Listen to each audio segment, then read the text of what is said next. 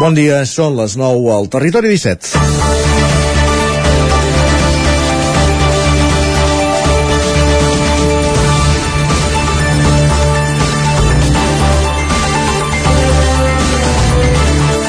Gairebé 4 tornem a començar. Gairebé 4 de cada 10 conductors que cada any perden la vida en accident de trànsit havien consumit alcohol o drogues. Aquesta dada del Servei Català de Trànsit és molt preocupant i ens demostra que les campanyes de sensibilització que s'han fet en els darrers anys no acaben de ser del tot efectives. Es pot comprovar en el percentatge de conductors que donen positiu en els controls d'alcoholèmia que habitualment fan els Mossos i les policies locals. Si fa 10 anys, 5 de cada 100 conductors sotmesos a un control d'alcoholèmia a Osona donaven positiu, aquesta xifra ha augmentat un punt en els últims 5 anys, tal com explicàvem ahir a l'informatiu. La barreja d'alcohol i conducció s'ha demostrat que és letal i per això en aquesta campanya del Servei Català de Trànsit s'insisteix que l'única taxa segura per conduir és 0-0. Tot el que superi aquesta taxa implica un augment del risc d'accident, encara que la taxa se situï dins els marges legals permesos. És important tenir-ho en compte aquests dies de festes de Nadal, sopars d'empresa i trobades d'amics i famílies. Els qui decideixin agafar el cotxe després d'haver consumit alcohol, encara que sigui en quantitats inferiors al límit legal permès, han de saber que no només es posen en perill ells i els ocupants del seu vehicle, sinó la resta de persones que circulen per la via pública. A Catalunya, durant aquest any, ja portem 150 morts en accident de trànsit. El Servei Català de Trànsit, els Mossos d'Esquadra i les policies locals han impulsat una campanya durant aquests dies per combatre la conducció sota els efectes d'aquestes substàncies i reduir d'aquesta manera el risc d'accidents tant en carreteres com en zones urbanes. Va començar dijous i durant aquests dies es, despleguen, es desplegaran controls policials aleatoris en qualsevol moment del dia. En aquesta mateixa campanya intensiva de controls policials de drogoalcoholèmia de l'any passat es van imposar 839 denúncies per positius d'alcoholèmia, 222 de les quals per la via penal, fet que representa el 7% del total de proves realitzades. És dimarts, 20 de desembre, l'endemà que el Tribunal Constitucional aturés la votació al Congrés de la reforma judicial que implicava renovar els seus membres a, instàncies d'un recurs del Partit Popular, una manera de fer que ja prou coneixem a Catalunya. Comença el Territori 17 a la sintonia de Ràdio Cardedeu, Ona Codinenca, la veu de Sant Joan, Ràdio Vic, el 9 FM, el 9 TV i també ens podeu veure, a més del 9 TV, com dèiem, a través de Twitch i de YouTube.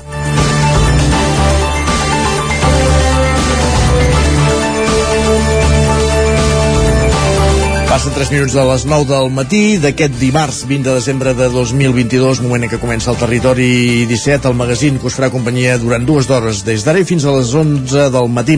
En aquesta primera mitja hora, repassant l'actualitat de les nostres comarques, les comarques del Vallès Oriental, Osona, el Ripollès i el Moianès, i fem en connexió amb les diferents emissores que dia a dia fan possible aquest programa. També farem un repàs a la previsió del temps amb en Pep Acosta, ofuscat, perquè veu que s'enfilen les temperatures en una època que no toca, i anirem al quiosc per conèixer les portades dels diaris del dia en companyia d'en Sergi Vives. A partir de dos quarts de deu farem un viatge, com cada dia, per l'R3 amb l'Isaac Muntades recollint les cròniques dels oferts usuaris de la línia i a l'entrevista tornarem a la veu de Sant Joan per conversar amb Abelí Adam sobre l'exposició a més de 160 pessebres que hi ha a la Torre del mossèn Tor de Can de Bano durant aquestes festes. Arribarem al punt de les 10 amb música. Uh, a les 10 serà moment d'actualitzar marcadors, de posar-nos al dia amb les notícies més destacades de les nostres comarques, repassar la previsió del temps amb Pep Acosta des d'Ona Codinenca i acte seguit eh, la secció d'Economia amb en Joan Carles Arredondo com cada setmana avui parlant sobre l'augment dels tipus d'interès perquè el Banc Central Europeu ha tornat a aplicar una altra pujada dels tipus d'interès veurem cap on ens aboca tot plegat a partir de dos quarts d'onze serà el moment d'endinsar-nos al món de Twitter i acabarem el programa avui amb el territori dona, els àpats de Nadal amb mirada de dona, amb la mirada de la Maria López, l'Ester Rovira i la Caral Campàs. Tot això, aquest és el menú del Territori 17, que us farà companyia, com dèiem, des d'ara fins al punt de les 11. Territori 17.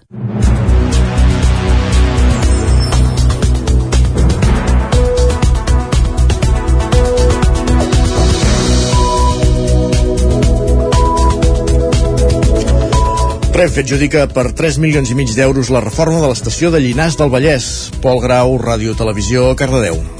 Renfe adjudicat les obres de reforma de l'estació de Llinars a la línia R2 per 3,5 milions d'euros. La Unió Temporal d'Empreses Villar i Alpí Llinars s'ha adjudicat el contracte. El termini d'execució dels treballs és de 12 mesos, per tant, l'estació estarà en obres durant pràcticament tot l'any 2023. El projecte preveu la construcció d'un petit edifici a la zona de l'aparcament, que permetrà establir un control d'accés a les andanes des de la banda oposada a l'edifici de l'estació. A més, en aquest àmbit, es farà una reordenació de l'aparcament amb la creació de places reservades a persones amb mobilitat reduïda i per a vehicles elèctrics. L'actuació farà que l'estació de Llinars, que té uns 3.500 usuaris diaris, sigui totalment accessible per a persones amb mobilitat reduïda. Per fer-ho, es rehabilitarà completament el vestíbul. També es faran noves escales i rampes i es renovarà l'enllumament exterior. L'edifici principal comptarà amb una zona d'atenció, venda i informació al client i una sala d'espera. També es faran millores en la il·luminació i s'adaptaran els lavabos a les normes d'accessibilitat. A la sortida de l'edifici cap a les andanes s'eliminaran els desnivells. A més, es renovarà el paviment i s'incorporaran encaminaments podotàctils. Les marquesines es renovaran i s'ampliaran perquè cobreixin més espai de les andanes i de la zona de l'aparcament. Gràcies, Pol. Més qüestions. Uns 160 refugi refugiats ucraïnesos establerts a Catalunya han fet durant el cap de setmana unes colònies a Vilanova de Sau. Era una activitat que tancava el programa Temps per Cures, que ha impulsat el Departament d'Igualtat i Feminismes de la Generalitat, Sergi Vives.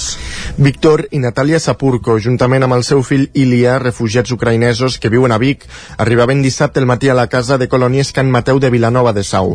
Eren un dels 160 participants a les colònies que es van fer durant tot el cap de setmana com a cloenda del programa programa Temps per Cures Ucraïna que ha impulsat el Departament d'Igualtat i Feminismes. Sota, són de Mariupol, una de les ciutats més castigades per la guerra, d'on després de dos mesos malvivint en un soterrani van poder fugir el 25 d'abril a través d'un corredor humanitari que només els permetia passar per Rússia. Això ho explicava Natalia Sapurko. A Rússia ens van fer dos dies de cribratge, ens agafaven el telèfon, rastrejaven totes les xarxes socials, no sabíem què buscaven. Després ens van deixar anar, però molts homes coneguts que anaven amb nosaltres es van haver de quedar allà i se'ls van endur en direcció desconeguda. Des de Rússia van arribar a Letònia i van iniciar un llarg viatge fins a Vic on tenien la seva filla, el gendre i una neta que havien pogut fugir abans. La seva voluntat ara és començar de zero. Estem al 99% segurs que no tornarem allà, no tenim on tornar. La nostra ciutat natal està ocupada per Rússia i la nostra casa està destruïda. L'única cosa que ens lliga allà per tornar per un curt termini és per enterrar el pare que va morir en un bombardeig. Ens quedarem a fer vida a Catalunya. El programa Temps per Cures ha garantit el dret a les cures dels infants i adolescents alhora que ha alliberat temps per a les famílies, especialment per a les dones que majoritàriament s'ocupen del treball de cures. Aquest ha de ser, segons Núria Vergés, directora general de Cures, Organització del Temps i Equitat en els Treballs, i Josep Gassó, president del Fund Esplai, el model d'acollida a Catalunya. Això és una prova d'un model que funciona i de com considerem que s'ha d'acollir a les persones que són a casa nostra i que, per tant, aquest model d'acolliment i de cura que hem tingut amb les persones d'Ucraïna hauria hauria de ser extensible a tota la resta de persones eh, que són i que venen a casa, a casa nostra. Per desgràcia estem en un món en què el domini dels blancs sobre els negres, dels homes sobre les dones, dels rics sobre els pobres, ha sigut constant i les guerres com a expressió de persones que han volgut utilitzar aquest domini per explotar i per marginar pobles sencers, com ara parlem d'Ucrània. Eh, pensar que tenim un temps de cura per reparar i per convertir el paradigma del domini en espai de cura per nosaltres és magnífic el programa Temps per Cures també ha promogut la inserció laboral de les persones participants. Actualment hi ha 21.786 refugiats d'Ucraïna a Catalunya i al projecte n'hi han participat prop de 1.500. Més qüestions. Eh, L'alcalde de Llanàs, Amadeu Rossell, ha estat escollit nou president de l'executiva d'Esquerra a la Vall de Camprodon. Isaac Muntades, la veu de Sant Joan. L'alcalde de Llanàs, Amadeu Rossell, va ser escollit fa uns dies com a nou president de la secció local d'Esquerra Republicana de Catalunya a la Vall de Camprodon, que engloba els municipis de Camprodon, Sant Pau de Segúries, Llanàs, Molló, Vilallonga de Ter i Set Cases. L'executiva vol estar al costat dels veïns de la vall, del teixit associatiu, dels emprenedors i també dels càrrecs electes municipals perquè puguin aplicar polítiques socials d'igualtat, contribuir a la transició ecològica, donar suport a la cultura, a la recuperació de la memòria històrica i treballar des del Ripollès per assolir la independència de Catalunya. Rossell va explicar dos dels punts claus en què vol treballar l'executiva. Que a banda de fer accions doncs, que, que vinguin a veure doncs, amb, amb la nostra ideologia de partit, doncs, alguns més festius, altres més, més festius, vull dir, doncs, per exemple, tenim pensat doncs, buscar una mica, donar un homenatge doncs, a antics regidors del temps de la guerra, alcaldes d'aquelles èpoques, que és una, un acte una mica més festiu, diguéssim, fins altres doncs, més, més tècnics de, de xerrades o d'informació o tot això. Que la nostra feina també és contrarrestar una mica tota aquesta, no, no malintencionalitat, però sí política adversa que ens fa doncs, altres partits en contra de nosaltres. D'alguna manera, Esquerra vol parlar i informar la gent de tot el que fan per explicar-los la seva versió. D'altra banda, també volen aconseguir noves alcaldies i més regidors als diferents pobles de la vall. Per tal de que tot això també tingui una incidència doncs, en el Consell Comarcal també, perquè aquests darrers anys el Consell Comarcal del Ripollet ha sigut, jo penso que és el pitjor Consell Comarcal que hi ha hagut a la història. I sobretot, doncs, els pobles petits ens han deixat absolutament davant, absolutament. No hi ha hagut cap política. Les polítiques els han agafat aquests tres pobles grans i s'ho han, fet, han fet ells. Per, per tant, nosaltres hem quedat fora de joc. Rossell va confirmar que ara mateix hi ha més possibilitats que es torni a presentar a l'alcaldia de Llanàs que no opti per no fer-ho. La nova executiva local està conformada per sis persones que representen diversos sectors, generacions, àmbits i municipis de la vall. A banda de Rossell, Anna Vila serà la secretària d'Organització i de les Dones, Xavi Juncà, el secretari de Finances, Clàudia Puig, la secretària d'Imatge i Comunicació i de Política Municipal, Felip Vicent Pons, el secretari de Ciutadania i Sílvia Lumeres, la secretària de Transició Ecològica. I a Sant Feliu de Codines, Anna Vilarrasa ja s'ha presentat en societat com a alcaldable de Junts per Catalunya, en un acte apadrinat per Josep Rull. Caral Campàs, zona codinenca. Sí, Anna Maria Vilarrasa s'ha presentat en societat com a candidat a l'alcaldia per Junts uh, per Catalunya a Sant Feliu de Codines en, una, en un acte a la sala d'actes del Centre Cívic La Fonteta que ha estat apadrinat pel conseller de Territori destituït pel 155, Josep Rull, davant de més d'una vuitantena de persones. Vilarrassa, nascuda fa 55 anys a Sant Feliu, va iniciar el seu discurs dient que la decisió de presentar-se a l'alcaldia és madurada, valorada i pensada i que la pren amb il·lusió. Al llarg del seu discurs, la cap de llista de Junts per Catalunya va pro apuntar propostes concretes com la d'implantar la zona blava de pagament o accions per potenciar els esports de motor o les tradicions i la identitat del poble. També va marcar algunes línies del programa que desenvoluparan en els propers mesos. Nosaltres no farem manifestacions. Serem més proactius. Ens implicarem, ens reunirem, defensarem aquesta necessitat pel poble. Però la pregunta és, estem preparats per la variant? Tenim un pla urbanístic, un pla industrial, un pla pel comerç per la variant? Tenim un pla de mobilitat per la variant? Hem d'endreçar els cotxes. No creiem ni amb les pilones ni amb les jardineres. El conseller Rull va tancar l'acte expressant el seu suport a l'alcaldable de qui va destacar la vocació de servei públic en un moment que la política no està ben vista. Però ara, més que mai, cal gent que agafi la política en majúscules, la bona política, la política de pensar, de construir, de servir. Aquesta és la, la idea fonamental. Rull, que és un dels presos polítics del procés, també va apel·lar al llegat de l'1 d'octubre, una data que va definit com el dia que van perdre la, la por. Els candidats de Junts de Caldes, Roger Xalabarder de Granollers, Àlex Sastre i de la Garriga, Meritxell Budó, també van assistir a l'acte per donar suport a Vilarrassa. Gràcies. Canal Més Qüestions les places del centre de Torelló han acollit aquest cap de setmana la quarta edició de la Fira Toca Fusta, una proposta que lidera el Torelló Jove i que, a banda de potenciar les joguines fetes de fusta a les portes de Nadal, també vol donar vida al comerç del poble. Aquest cap de setmana Torelló ha estat escenari de la quarta edició de la Fira Toca Fusta. Parades de joguines i objectes de regal, jocs per a infants i una taula on les famílies podien manipular i pintar fusta van ser els grans atractius d'una proposta vinculada a la identitat del municipi i amb la indústria de la fusta al poble que amb els anys ha d'anar més més. Així ho reivindicava Marcel Ortuño, alcalde de Torelló. L'intenció és que un projecte a llarg termini perquè sigui una fira que es vagi consolidant i sobretot creixent. En aquestes primeres edicions el que fem és anar introduint propostes i anar testejant, diguem, el que veiem que en aquest marc que dèiem de la, de la fusta i la joguina doncs funciona més i a partir d'aquí doncs anar consolidant el projecte i fer-lo créixer. Al voltant d'aquesta fira hi ha el Torelló Jove. Les dues tècniques, Teresa Faja i Maria Villegas, celebraven que la fira hagi pogut recuperar el format que es va dissenyar des d'un inici i que fins ara la pandèmia només hi havia permès lluir en l'edició del 2019.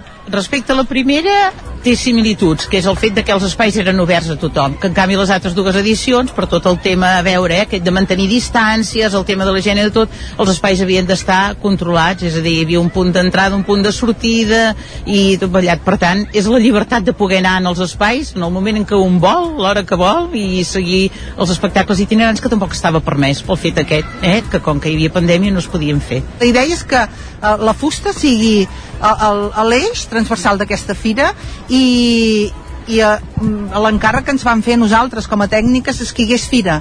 No només que hi haguessin jocs sinó que volien, Torelló no tenia cap fira i creien que era una, era una oportunitat. Per promocionar també el, el comerç local i, i que la, la gent sortís a, a, a gaudir de la fira i a més a més que comprin joguines de fusta. La fira es va complementar amb un espai de jocs fets amb materials reciclats a la plaça Verdaguer i els cuiners i sobretot els joves cuiners han estat els protagonistes de la quinzena edició de la Fira de la Tòfona de Centelles que s'ha celebrat aquest cap de setmana. La tòfona, però també els productes trufats van ser els grans protagonistes de la quinzena edició de la Fira de la Tòfona de Centelles que aquest cap de setmana i després de dos anys de pandèmia s'ha desplegat en el seu format habitual.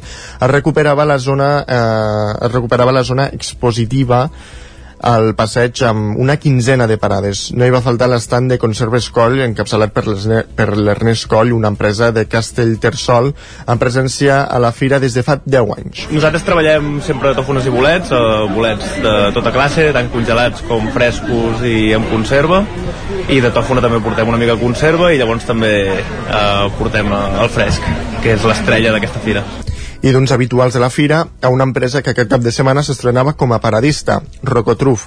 Una de les seves propietaris, Patricia González, però ja fa anys que coneix la proposta. Aquest cap de setmana van ser a Centelles per presentar la seva selecció de productes trufats i per donar a conèixer la seva especialitat, l'ensinistrament de gossos per a la recol·lecció. Per exemple, hem portat des d'olives eh, farcides de tòfona, tenim la nostra tartufata, que està molt, molt bona, la veritat, estem molt contents.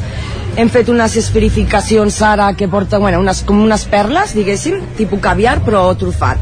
Després tenim crema balsàmica de Mòdena, sal, tenim oli d'oliva amb tòfona blanca, tòfona negra, després tenim també mel de càssia i després els nostres formatges, que són 100% naturals. També es va celebrar el concurs de cuina amb tòfona per a joves cuiners.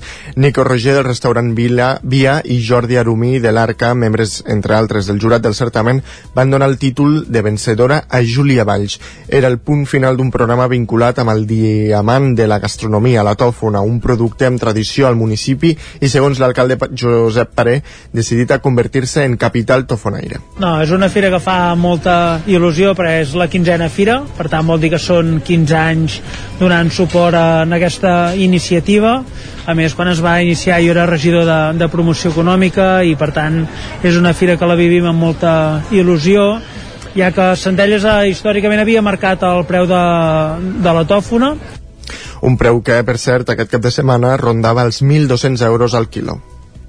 I un últim apunt cultural abans d'acabar, perquè des d'Eduard Toldrà fins a Mus Mussorgsky o fins a Rigoberta Bandini són algunes de les diverses referències musicals que apareixen a Laura, l'obra per música electrònica i veu que la compositora tonenca Helena Cànovas estrenava dissabte a l'Atlàntica. La producció, un encàrrec del mateix complex cultural bigatà, formava part del cicle Grans Concerts.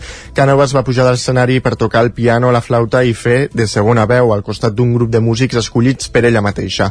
Ariadna Aranda a la veu i Àlex Tentor, Tentor a la guitarra, Carla González al baix i al contrabaix, Nina Sunyer a la viola, Itziar Viloria als teclats i Luis Azcona a la percussió. La, plas, la peça s'inspira en la novel·la de Miquel Llor, Laura, la ciutat dels Sants, i s'estructura en quatre grans capítols de l'experiència de la protagonista, la llar, el piano, el marit i la ciutat. L'estrena va sacsejar consciències i va rebre també molts aplaudiments. Gràcies, Sergi. Així acabem aquest repàs informatiu que començàvem a les 9 del matí en companyia de Sergi Vives, Isaac Muntades, Caral Campàs i Pol Grau. Un moment al territori 17 de parlar del temps.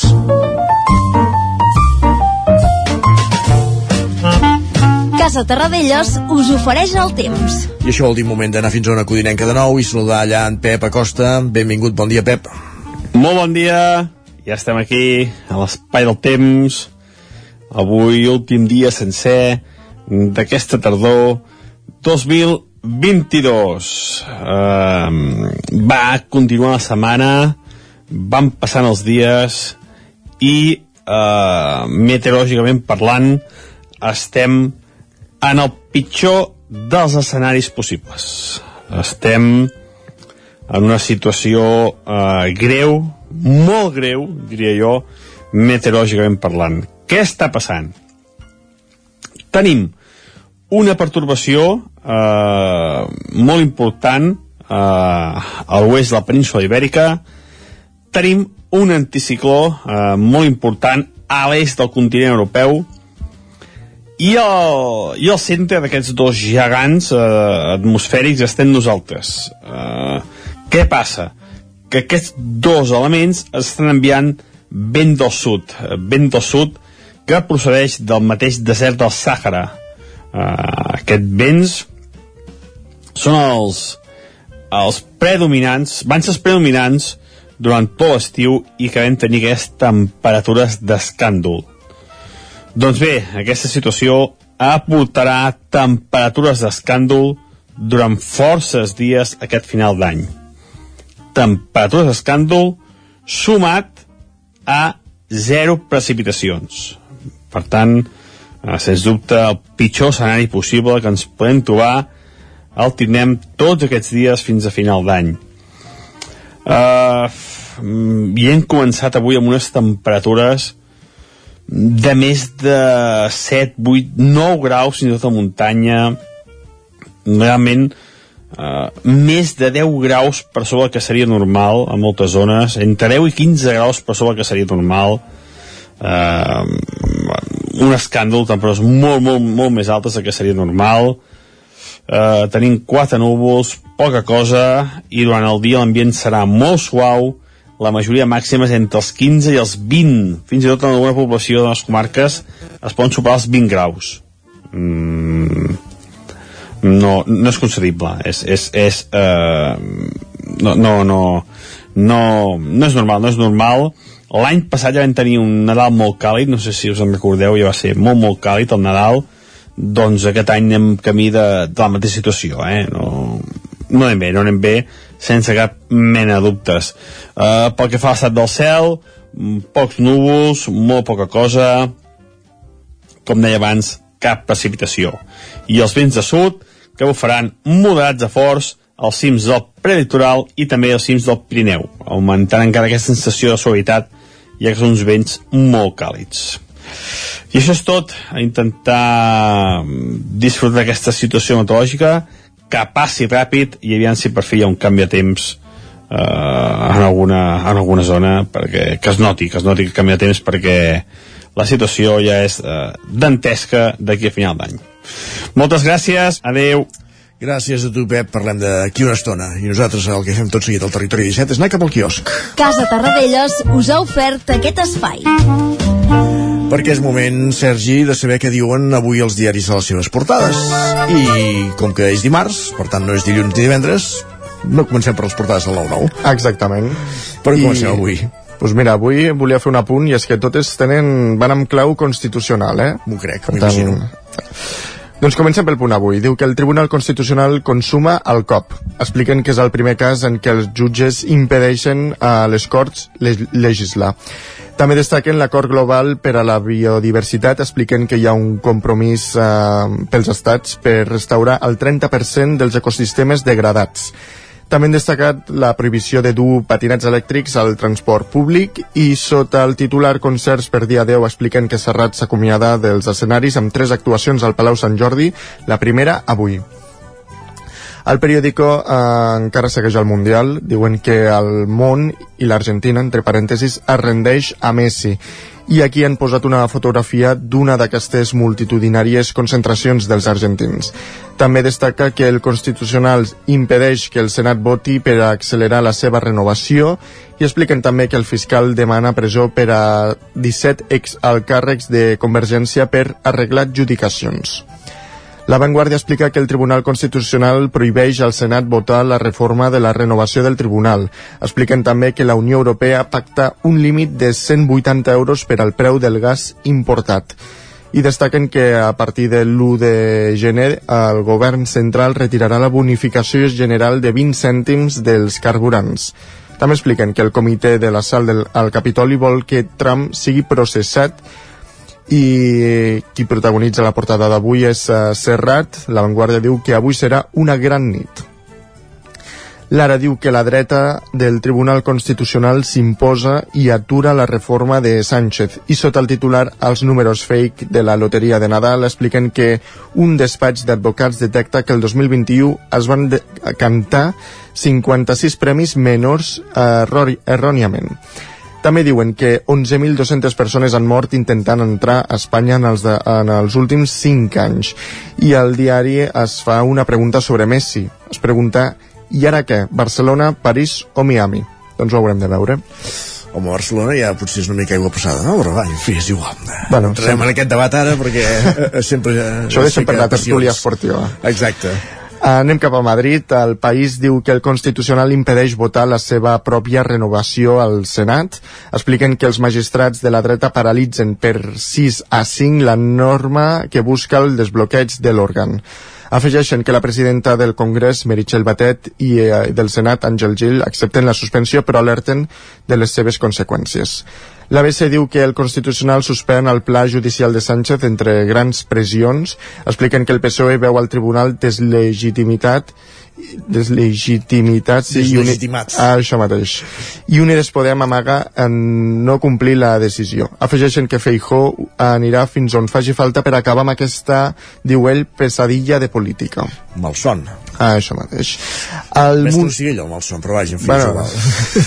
bé, deixem-ho per altra tertúlia va, som perdó el Mundo diu que el Constitucional frena el pla de Sánchez per controlar-lo i la Razón diu que el Tribunal Constitucional fracturat frena la reforma express de Sánchez.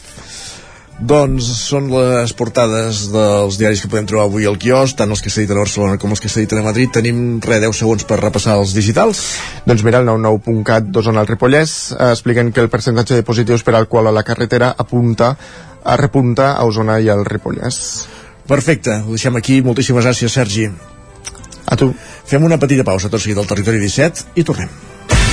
El nou FM, la ràdio de casa, al 92.8. Has esperat que arribi el fred per comprovar si et funciona bé la caldera? No pateixis, a Casa Jové som especialistes en manteniment, reparació i revisió d'equips d'aigua calenta i calefacció, tant en l'ambient domèstic com industrial.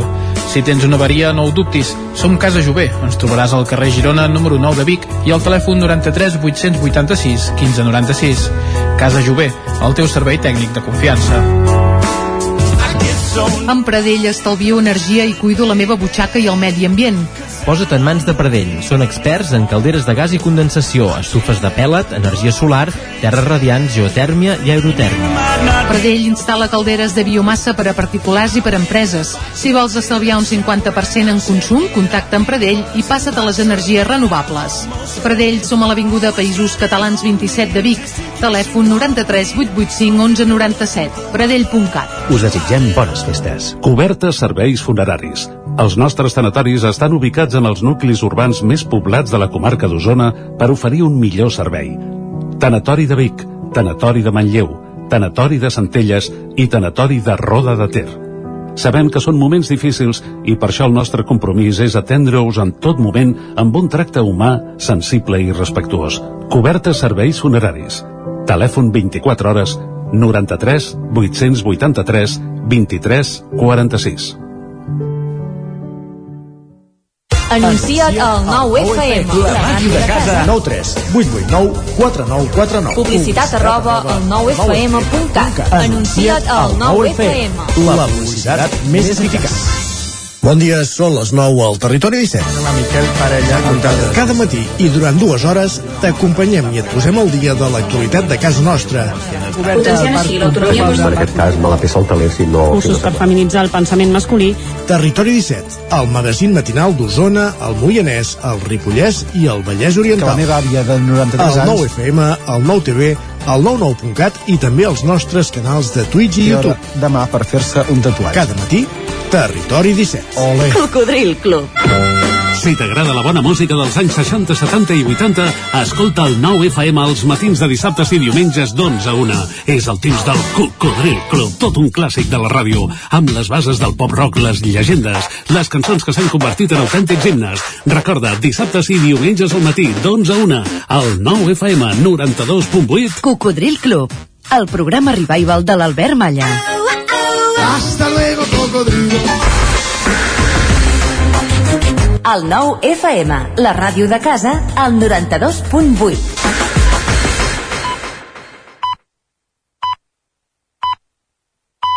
Territori 17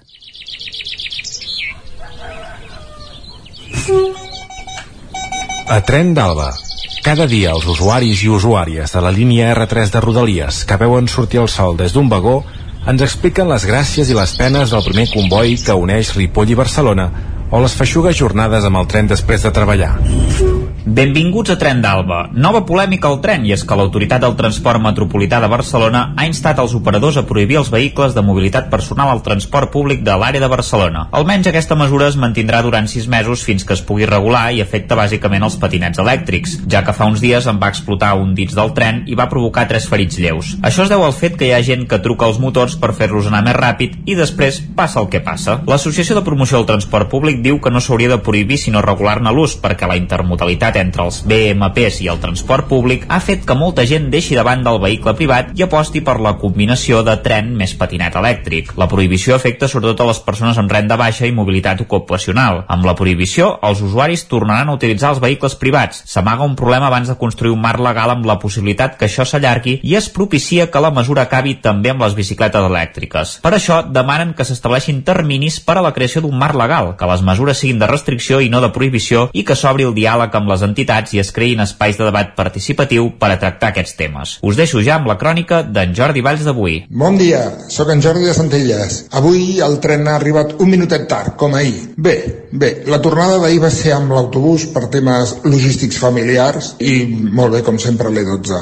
Va, notícies. Corre pels grups de WhatsApp aquello de se dice, se comenta, se rumorea, un pantallasso, no sé si es diu així en català correcte, passa, de Rodalies i Renfe que diu que al maig del 2023 tindrem tres dies de tall a la R3 per les obres de parets i, atenció, del juny al desembre del 2023 hi ha ara tall entre parets i la Garriga per al desdoblament. Repeteixo, del juny al desembre del 2023 i posa servici alternativo per autobuses. Mama por.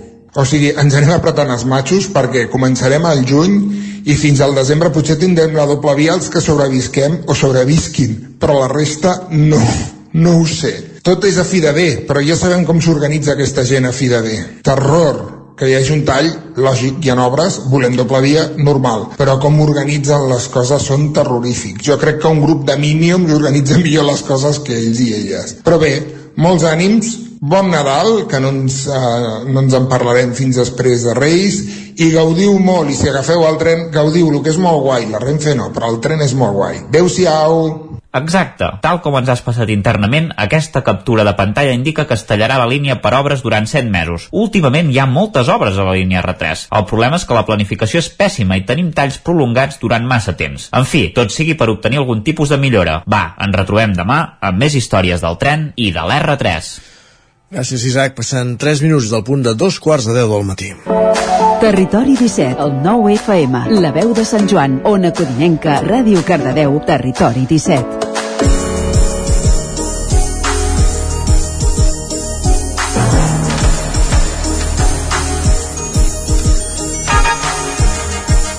Gràcies, Isaac, però no marxis gaire lluny perquè la torre de mossèn Torre de Can de Bànol torna a aglutinar el protagonisme de les festes de Nadal a Can de Bànol amb la segona mostra de pessebres del poble amb uns 160 pessebres i diorames superant el centenar de l'any passat. Com dèiem, Isaac Muntades, la veu de Sant Joan, benvinguts, bon dia un dia més. Bon dia, Isaac, i d'aquesta proposta i d'altres activitats de la Torre de mossèn Tor en volem parlar amb el president de l'associació Can Davant el Cultura i Compromís, eh, l'entitat que ho gestiona, que és la Valia Dam, que el tenim avui amb nosaltres a l'estudi de la veu de Sant Joan. Bon dia, Valí, moltes gràcies per ser avui amb nosaltres i acompanyar-nos en aquest dimarts. Bon dia, Isaac, bon dia, eh, i gràcies per convidar-me aquí a la veu de Sant Joan, per altre, un altre cop, no? I més ara, bona, de, abans de les festes, no? Que també és un dia, doncs, bastants dies senyalats, no? Vull dir que poder donar imatge doncs, a la comarca i arreu, no? És una tradició, eh, ja que et convidem una mica per al tema dels pessebres. Eh, L'any passat també en vam parlar eh, i per començar, aquest any en teniu 160 que estan repartits per diferents punts del poble. No sé si em pots explicar on són i per què heu decidit fer-ho així. A més a més, això, eh, l'augment del número que comentàvem, eh, s'ha augmentat en, en pràcticament doncs, 60 més que l'any passat. Bueno, eh, Isaac, eh, es va inaugurar el dia 3, perquè ja vull començar pel principi una mica, si em deixes, no? Mm. Isaac, es va doncs, inaugurar el dia 3 de desembre, no? Fa 15 dies, i bueno, eh, vull dir, estic molt agraït doncs, perquè va ser doncs, una participació brutal no? i a més a més les entitats doncs, que ens van venir d'arreu no? eh, ens va venir doncs, vull dir, t'ho diré en un moment perquè m'agrada doncs, anomenar-los perquè ha estat un ple doncs, que vinguin a visitar el poble i la comarca perquè no, no havien estat mai i a més a més no havien estat a Can Davano i jo és el que pretenc, no? que vinguin, veguin el poble i a més a més s'avoregin no? o sigui que vaig tenir el president del Consell Comarcal eh, Joaquim Colomer. Llavors vaig tenir doncs l'honorable alcaldessa de Can Davano Dolors Costa. Llavors vaig tenir Albert Català president de la Federació de Persebristes Internacional. Llavors vaig tenir el Ramon Albornà que és president de la Federació Catalana de Pessebres. I llavors el vicepresident de la Federació Catalana Francesc Villegas eh? I llavors, doncs, bueno, també hi vaig tenir doncs, la presentació doncs, de, dels, pessebres, dels pessebres de, de, que cada any porten a, pugen a Costa Pobilla i bueno, doncs vaig tenir doncs, Oriol Lázaro doncs, que va doncs, explicar una mica doncs, tot el procés dels pessebres no?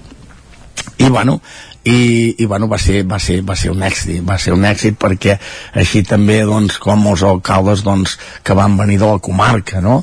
doncs com l'alcalde de Gombrèn César Oller, la representació d'aquí Sant Joan de les Abadeses que va, doncs, no va poder venir el Ramon perquè ja es va, doncs, va justificar perquè tenia doncs, una entrega de medalles i llavors va fer venir doncs, la seva senyora la Núria López i llavors doncs, va venir doncs, l'alcalde de Camprodon el Xavier Guitar també doncs, és un ple no? doncs, poder tenir doncs, aquests personatges que al costat doncs, de, de, de meu eh? són i llavors també agrair la participació d'aquest acte amb el Jordi Ballesteros i, i César Oller eh, amb la música tradicional últim de la Raval eh? que també va ser un ple no? poder-vos tenir allà perquè no em desemparen mai cada acte pràcticament els tinc al costat també, això és un ple no? Uh -huh i llavors també allà a la torre doncs hi tenim doncs el, eh, el Salvador el, o sigui, tenim el Danés Batlle Danés Batlle que és en pintura a l'oli de la fauna salvatge no? que també doncs, és un gran artista doncs, del Vall d'en Bas no? Uh -huh.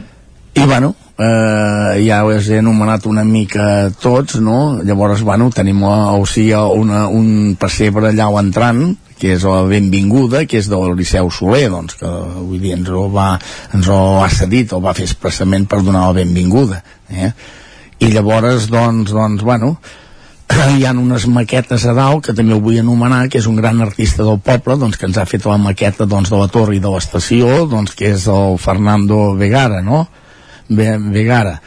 I, bueno, també doncs és, és, és d'agrair no? I, és... I teniu aquestes uh, ho heu ampliat, eh? no és només la torre eh? està a diversos llocs, eh? els pessebres explica'm sí, una mica uh, això uh, els pessebres doncs aquest any no, no solament són a la torre mossèn Tor ja saps que a mi m'agraden els reptes i a més a més és un projecte que jo havia iniciat des del principi i aquest any doncs ho he pogut lograr bastant, no? No està tot perquè és, és una cosa, un projecte llarg eh, per anar fent no? i poder anar aixecant doncs, el tema doncs, de, del poble no? però vull dir que eh, són en tres llocs un és a la plaça de la Mainada eh, que és el carrer Girona i llavors l'altre és el carrer de Mià de la Farga eh? allà doncs n'hi han 26 també doncs, de, de la Pobla de l'Illet eh? I llavors a la plaça de la Mainada eh, també eh, tinc de dir que per això ho dic ara d'un gran, hi ha un pessebre que l'any passat a la Torre mossèn Tor el vam fer de dos metres aquest any és de 5 metres de llarg que és del eh, Andreu Matilla de l'Andrés Matilla, Matilles, eh, eh? de, de Ripoll Andreu Matilla eh? Què en i destaca- esclar, és un gran personatge eh? Què en destacaria, Valí, d'aquesta exposició de- d'aquest any? Diguéssim, quins són els diorames més destacats? Bueno, que els diogrames més destacats, tots, no? Però vull dir que jo, pràcticament hi han dos, que són, doncs, uns molt ferms, que un és de Pere Batlle, que és de Porqueres, que, bueno, aquest, aquest senyor, doncs, eh, eh, estic molt content que hagi, fet, hagi portat o sigui, o sigui, una mica de- de- d'obra d'ell que doncs guanya cada molts vegades guanya el primer premi de l'estat espanyol no? i llavors hi ha l'altre que és en, en d'allò en, en Manel Font que és de Sant Pere de, de, de Torelló no? que aquest també doncs el tema de, de també guanya molts premis a, a través de Catalunya també està considerat un dels millors de, pessebristes de Catalunya no?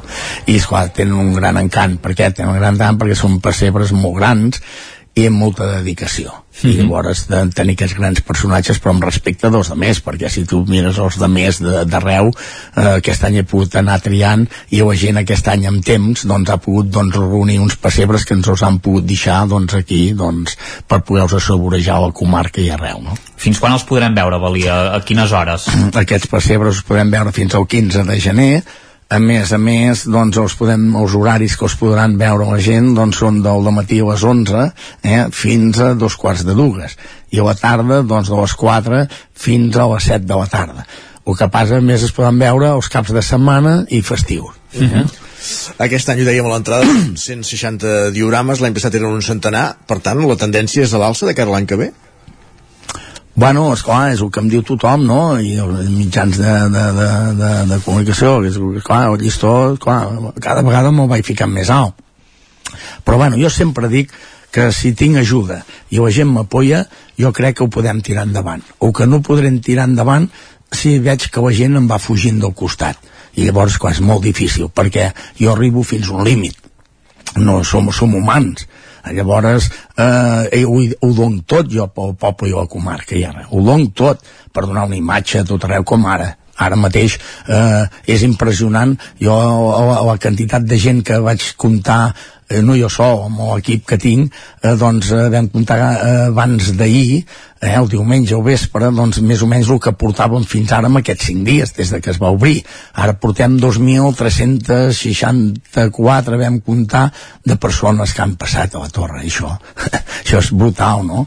i encara quan no som en lloc ara encara queden totes les festes Nadal. Però a més a més el maco és gent que no havia estat al poble gent que no havia estat a la comarca arreu de tot Catalunya que estan vinguent eh, estan vinguent expressament eh, doncs a veure aquesta segona mostra de pessebres. A més a més, es queda, veuen el poble i a més a més es queden a menjar i molts es queden a dormir. I això és el que jo pretenia, donar vida al poble i a la comarca. Uh -huh. I no serà l'única activitat per donar vida proposada per la Torre de mossèn Tor, aquestes festes de Nadal, perquè, per exemple, el pròxim dia 23 teniu el, el concert de Nadal, no? Sí, home, el dia 23 aquest any, és quan tenim dos de concerts, eh? Perquè, no, ja ho saps, sempre anem una mica més, ja t'ho he dit, no? I poder donar, doncs, aquesta satisfacció a la gent, no? El dia 23 tenim el concert de Victòria Castellova, que és de, un gran, una gran pianista, i llavors un gran violinista, que és Lluís Alfredo Montés, que és de Vic.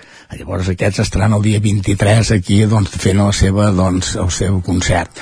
I llavors el dia 7 de gener, que és l'any demà de Reis, doncs també tornarem a tenir, que l'any passat va venir i va, es va fer doncs, una cançó d'un nou projecte que feia d'un CD, i aquest any doncs, vol estrenar el CD doncs, a la Torre mossèn Tor, que és l'Ismael Dueñas, que és de, un, de Badalona, conjuntament amb la seva parella cantant a l'Abrió i és clar, això serà brutal aquest any eh? llavors eh, les entrades es venen a la llibreria Espel de Can Davano eh? Mhm.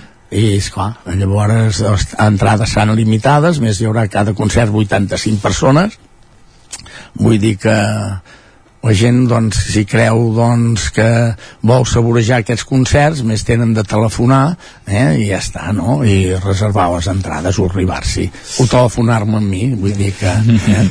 Pessebres a la Torre de Mossèn Tor, concert de Nadal, concert d'any nou i per més endavant de cara a la primavera que esteu preparant avui. Bueno, a cara a la primavera, vull dir que el 28 de gener doncs, doncs hi haurà doncs, també una inauguració, ja et dic, d'un gran artista, tampoc vull donar molta explicació perquè quan arribi un moment ho farem, però d'una mostra doncs, de maquetes de tot el poble de Liceu Soler. i serà doncs, una presentació única per ell, no? Per què? Perquè doncs, ho deixa doncs, eh, com a fons d'art eh? i bueno, també serà, serà brutal, no? Però bueno, a dintre l'any que ve, eh, també un mes de març, doncs tindrem doncs, tota la torre, allà a mitjans de març, doncs tota la torre tindrem una exposició doncs, d'aquarela eh, i d'escultura que, bueno, dos, allò dos, del tema d'aquarel·les que són la segona d'allò més important de- de- d'Europa, de, de Barcelona, els aquarel·listes. Eh? Doncs Abel i Adam, moltíssimes gràcies per acompanyar-nos una vegada més aquí al Territori 17, en aquest cas per parlar d'aquesta exposició de pessebres que es pot visitar a la Torre de Mossèn Tor de Can de Bànol i totes les activitats de, de Nadal que prepareu en aquest poble de, del Ripollès. Gràcies i bones festes també. Gràcies, gràcies. I gràcies també d'Isaac I per acompanyar-nos. eh? Gràcies Isaac una vegada més per acompanyar-nos també. Gràcies, bon dia.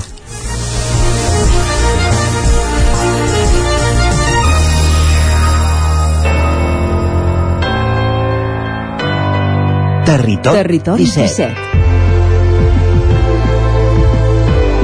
Territori 17.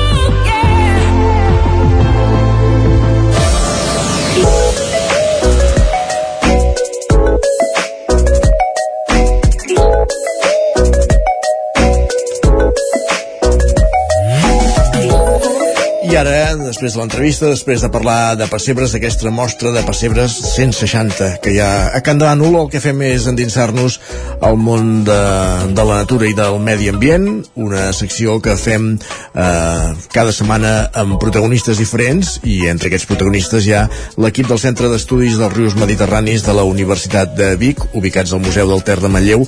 Avui conversem amb la Laia Jiménez per parlar del cens d'ocells aquàtics que fan cada any des del Centre d'Estudis dels Rius Mediterranis. Òbviament no ho fan ara en aquestes èpoques d'aigües fredes, però sí que en podem conèixer resultats en aquest mes de desembre. Laia Jiménez, benvinguda, bon dia. Hola, bon dia. Com estem? Bé, bé, bé. Com dèiem, eh? Bé, ara, de fet, de, deies que no el fem, però sí. Sí, qui sou? El Ah, farem perdó. a, prim, a mitjans de gener. No, no, el farem a mitjans de gener, o sigui que també aigües fredes igualment. Aigües fredes igualment. Uh, per, però, però tampoc hi esteu molta estona, entenem, a l'aigua. Com funciona això? Com funciona un cens? Eh, No, aquest cens es fa, fa més de 20 anys que es fa. Des del centre d'estudis el coordinem, però hi participen molts, moltíssims voluntaris, moltes entitats, hi participa gent de, del grup de naturalistes d'Osona, gent del grup d'anellament de Call d'Atenes, eh, i gent del Jadena, del Ripollès. Nosaltres coordinem el que és el tram del Ripollès i d'Osona, i participen moltíssims voluntaris i el que fem és dividir uh, aquest recorregut del riu Ter des de la zona del Ripollès fins a final dels embassaments de Sau, Susqueda i el Pastoral. Sí. Ens dividim tot aquest eh, tram en diferents transectes i cada grup recorre un d'aquests transectes. Llavors hi ha grups que ho recorren a peu, a la vora del riu, amb binocles, anar intentant identificar tots els ocells que anem trobant, sobretot centrant-nos en ocells aquàtics, i algun tram, si es pot, el tram dels pantans, per exemple, molts anys s'ha fet en barca, amb una barca per dins de, del pantà i també fent un recompte de tots els ocells, sobretot aquàtics, que s'hi veuen. I això es fa eh, un cop l'any, és a dir, es fa ara l'hivern o es fan en diverses estacions, en diversos moments, de, en diverses èpoques No, aquest programa, aquest projecte concret es fa només una vegada a l'any, Uh -huh. normalment el primer cap de setmana després de festes, entre, entre el 10 o el 15 al 20 de gener com a molt, intentant buscar un dia que més o menys puguem consensuar els líders de cada grup, diguéssim, hi ha com un coordinador per cada tram, i llavors eh, ell, cada coordinador o coordinadora busca voluntaris i llavors s'intenta fer això i es fa només una vegada, és un cens puntual d'un dia. Perquè- i el que sí que s'afegeix després eh, el mateix dia o el mateix cap de setmana és un recompte de, del que en diem les joques els dormiders d'algunes espècies concretes que els anem a comptar eh, al capvespre allà on van a dormir perquè van agrupats Per què quins són els hàbits dels ocells? És a dir, per què es fa ara al gener i, i no en un altre moment de l'any, diguéssim? Bé, eh, tenim aquí a la comarca, bueno, tot arreu, eh, però vull dir, podríem trobar tres, tres grups d'ocells, diguéssim, els que hi són residents tot l'any, els que hi són hivernants, que arriben a la primavera, i, ai, perdó, estivals o nidificants, que arriben a la primavera i els trobem aquí a l'estiu, que venen a criar, i els hivernants, que arriben bé, entre setembre, octubre, novembre, i els tenim aquí durant l'hivern, i a la primavera marxen. Llavors aquest és un, ce un cens d'ocells hivernants, i per tant ens interessa fer-ho ben bé al pic de l'hivern, per veure quina és eh, la població d'aquestes espècies. Llavors això ens aporta informació diversa. Una de les espècies que sempre que és més emblemàtica com a hivernants són els cormarins Sí. I fem els recomptes a, als dormiders i alguns d'aquests dormiders es controlen cada setmana durant tot l'any. És a dir, des de que comencen a arribar els primers cormarins hi ha voluntaris que van cada setmana a fer el recompte allà en els dormiders que coneixen i van cada setmana a comptar quants n'hi ha fins que desapareixen cap a l'abril, maig i deixen de ser-hi. I llavors tenim un recompte de com augmenta la població al llarg de l'hivern i ens aporta dades interessants, com per exemple una que hem, hem tret una mica així a l'últim informe de l'any passat, que hem vist que aquests cormarins, que si bé més o menys hi són sempre, o sigui, sempre a l'hivern, vull dir, Sí. estan arribant una mica més tard. Els últims anys han anat arribant una mica més tard del que arribaven fa 10 anys, per exemple. I això ho atribuïu a algun... És a dir, té alguna explicació, aquest, aquest canvi d'hàbits? Uh, clar, nosaltres ben bé no podem saber ara per què. D'entrada, el que fa més pensar és que podria ser per un tema del canvi climàtic, que ells abandonen uh, les seves zones uh, en un altre moment, diguéssim, de l'any. Però això s'hauria d'anar veient, eh? Vull dir, també hi ha hagut anys que n'hi han hagut menys i s'ha especulat amb diferents factors. Hi ha ocells d'aquests que, que a vegades han patit eh, el que sigui, eh, minvat la seva població al lloc de cria perquè hi ha hagut algun canvi o alguna cosa a la zona de cria, llavors n'arriben menys aquí, o bé perquè a la seva zona de, de residència de cria la temperatura no ha baixat tant i per tant han migrat menys, hi ha diferents factors, eh? I al I llarg, de, anem recollint aquestes dades. i al llarg d'aquests 20 anys que deies que, que es fa aquest cens, heu detectat, per exemple, presència d'espècies noves o que n'hagin desaparegut, diguéssim, tendències en aquesta línia també es poden des Hi ha, desxifrar? sí, hi ha tendències, o sigui, per exemple, clar, nosaltres recollim totes les dades i llavors algunes de les espècies que ens criden l'atenció intentem fer una mica més de d'aprofundir una mica més i hem fet oscil·lacions. Llavors, hi ha algunes espècies que han canviat, hi ha espècies d'ardeits que fa 20 anys no hi eren i ara són bastant més freqüents. Uh, altres espècies com per exemple el blauet d'uns anys, és a dir, els primers anys d'aquests censos pràcticament no n'hi havia i eh, a, la, a mesura que han anat millorant la qualitat dels rius va anar augmentant aquesta espècie. Hi ha espècies que estan molt directament lligades amb la qualitat del riu perquè depenen de la presència de peix i d'altres factors, eh? però llavors hi ha algunes espècies així que sí que hem detectat aquests canvis. Molt bé. Uh, dèiem això, que ara aquest mes de gener es farà, es recolliran les mostres, de, o, o si es farà el cens d'aquest 2023, però que ja teniu, uh -huh. encara que no, no s'hagin difós, però sí que teniu públiques a la vostra web ja les dades, diguéssim, d'aquest 2022. Dos. Sí, Exacte. les dades del 2022 estan penjades a, a la web de, del centre d'estudis i ja han estat revisades pels diferents coordinadors, però encara ens falta fer-ne la difusió perquè ho hem tancat fa relativament pocs dies. Eh? Molt bé. Sí que ens donaves aquest primer titular, eh, de- d'aquesta tendència de, del, del corp marí de cada vegada arribar més tard. Sí, Alt- sí, una altres- cosa que ens sembla és que arriben una miqueta més tard I, a altres, les zones de... I altres conclusions que es puguin desprendre d'aquest cens del 22?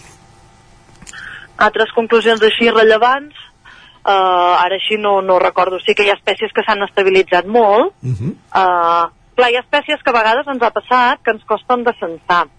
Hi ha algunes espècies com els esplugabous, per exemple, que a vegades al llarg del recorregut eh, no se'n veuen gaires o se'n veuen pocs. I en canvi, si, si localitzem el dormider o la joca, llavors trobem que el nombre augmenta molt. Llavors, a vegades hi ha oscil·lacions d'aquestes, però sí que tot el tema dels ardets s'ha anat estabilitzant força, que fa 20 anys algunes espècies eren molt anecdòtiques. I ara sí que tenim una població de cria a la zona de Torelló a l'estiu i tenim una població que no té per què ser la mateixa hivernant ara aquesta època. Diem que no té per què ser la mateixa perquè sabem que hi ha algunes espècies d'aquestes que els individus que tenim a l'estiu criant aquí no són els mateixos que hi tenim a l'hivern. Molt bé. Um, qui vulgui participar en aquest, en aquest cens, què, què ha de fer? Perquè entenem que el tram de riu que ens deies que, que, que rastreja és, és ampli, és llarg, ja hi ha equips de, de cada any, però sempre segurament mm, noves mans són benvingudes, diguéssim, no?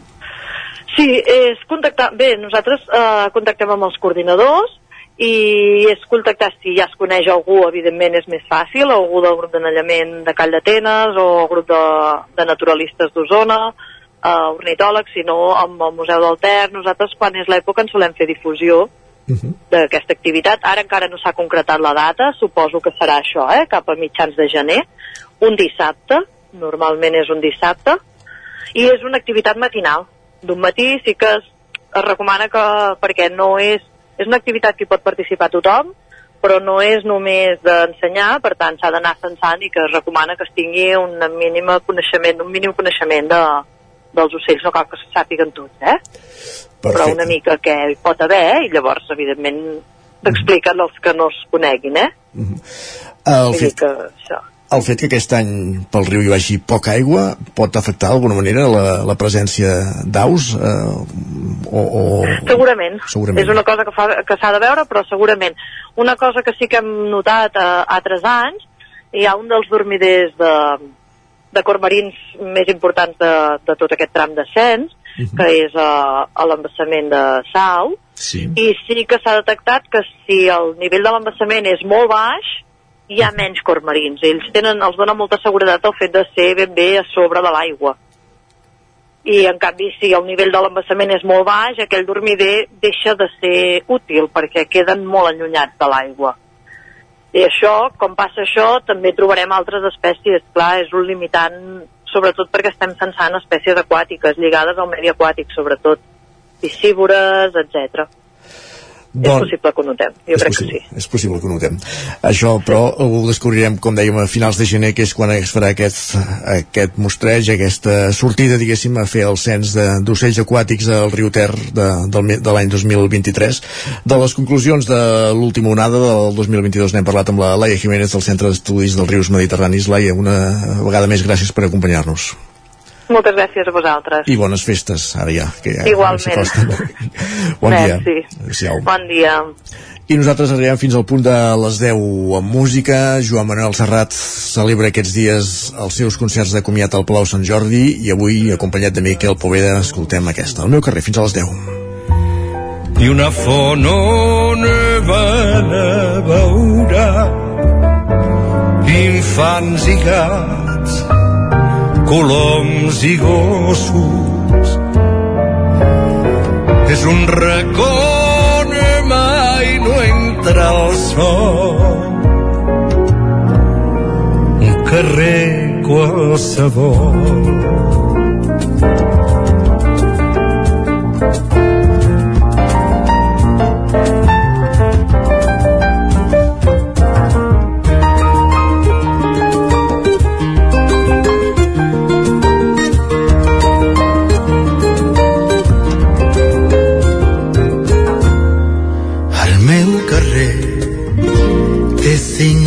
fanals perquè els xavals llencin pedrades. Hi ha una pensió i tres forns de pa i un bar a cada cantonada. El meu carrer és gent arreu que penca i veu que sua i menja i es lleven amb el primer sol i van al futbol cada diumenge ho ha fet per res del Bugantí ho ha fet un dominó. Amb vi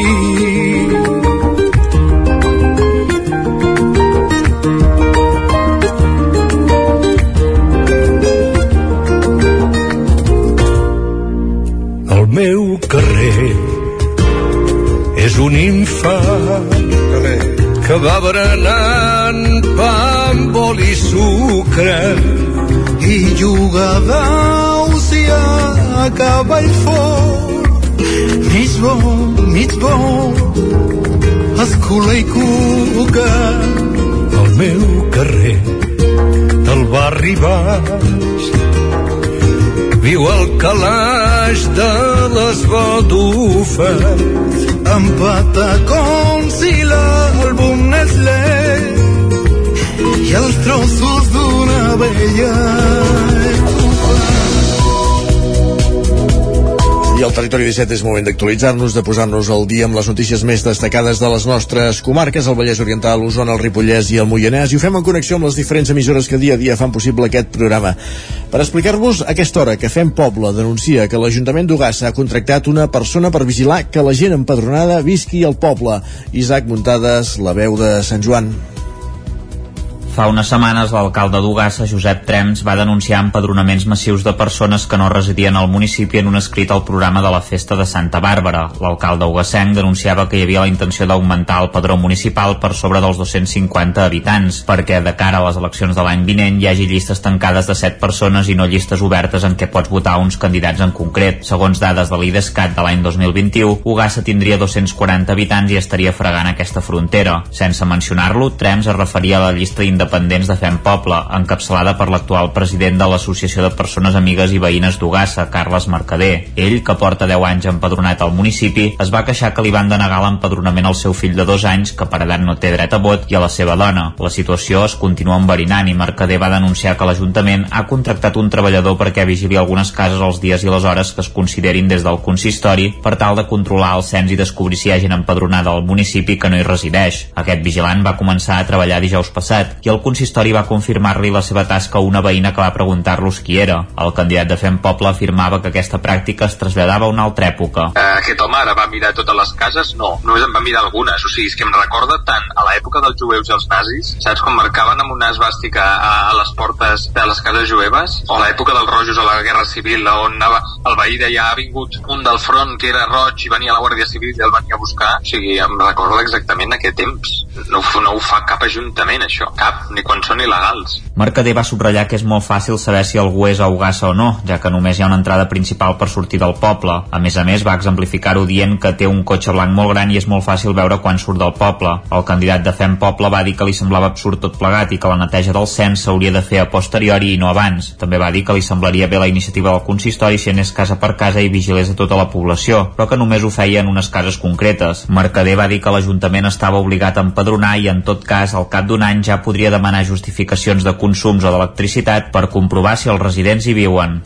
Més qüestions, la variant de la C-59 al seu pas per Sant Feliu de Codines es troba en fase de redacció i es preveu el projecte del tram final de la C-59 de Mollà a Santa Maria d'Oló, a l'eix transversal, que ja està adjudicat i es preveu iniciar-se en la redacció durant els propers mesos, que era el campàs Ona Codinenca. I el Departament de Territori de la Generalitat ha assegurat que estan treballant en el projecte del tram restant de la carretera que va de Mollà fins a l'eix transversal a Santa Maria d'Oló. Així ho detallava Juli Fernández, conseller de Territori, en la presentació d'inici d'obres del tram entre Sant Feliu de Codines i Mollà. El, el tram de Sant Feliu, la variant de Sant Feliu, està, eh, el, el seu projecte s'està redactant ara mateix, per tant està en la tramitació administrativa, eh, està inclòs en el, en el pla eh, d'infraestructures eh, del departament. Ha preguntat també durant la roda de premsa sobre la variant de la C-59 en el seu pas per Sant Feliu de Codines, el conseller va assegurar que es manté sobre la taula i que en aquests moments es troba en fase de redacció. El fet que es trobi en un tràmit administratiu impedeix, però, que es pugui incloure els pressupostos de l'any que ve de la Generalitat, tal i com demanava una proposta de resolució al Parlament de Catalunya aprovada recentment. Um, I a més a més, té una qüestió que és que l'estudi d'impacte ambiental va caducar i per tant s'hauran de fer intervencions administratives també en l'àmbit ambiental. Per tant, forma part d'aquesta millora de la C59 eh, però el moment en el que està ara mateix no és en el que pugui incloure's pressupostàriament sinó que està en el, en el, en el projecte en, l'elaboració del projecte constructiu per tant eh, forma part com, com deia de tota aquesta millora que tindrà la C59 Com bé sentíem, el conseller va detallar que l'estudi ambiental ha caducat i que hauran de tornar a iniciar el procés administratiu d'aquesta documentació. La variant de Sant Feliu de Codines és una reclamació històrica per part de tots els ciutadans d'aquella zona. Més qüestions, gràcies, Caral. El primer tinent d'alcalde de l'Ajuntament de Vic, Josep Arimany, continuarà quatre anys més com a president de la Fundació d'Estudis Superiors de Ciències de la Salut de la Universitat de Vic, que gestiona la Facultat de Medicina, Sergi. La Fundació és l'entitat titular de la Facultat de Medicina de la Universitat de Vic, Universitat Central de Catalunya. D'aquesta manera, l'espera de saber quin és el futur polític d'Arimany, que actualment també és diputat de la Diputació de Barcelona, sí que s'aclareix que continuarà vinculat a la universitat. Arimany va ser un dels principals impulsors de la Facultat de Medicina, d'on aquest curs en sortirà la primera promoció de metges que hi hauran cursat el grau sencer.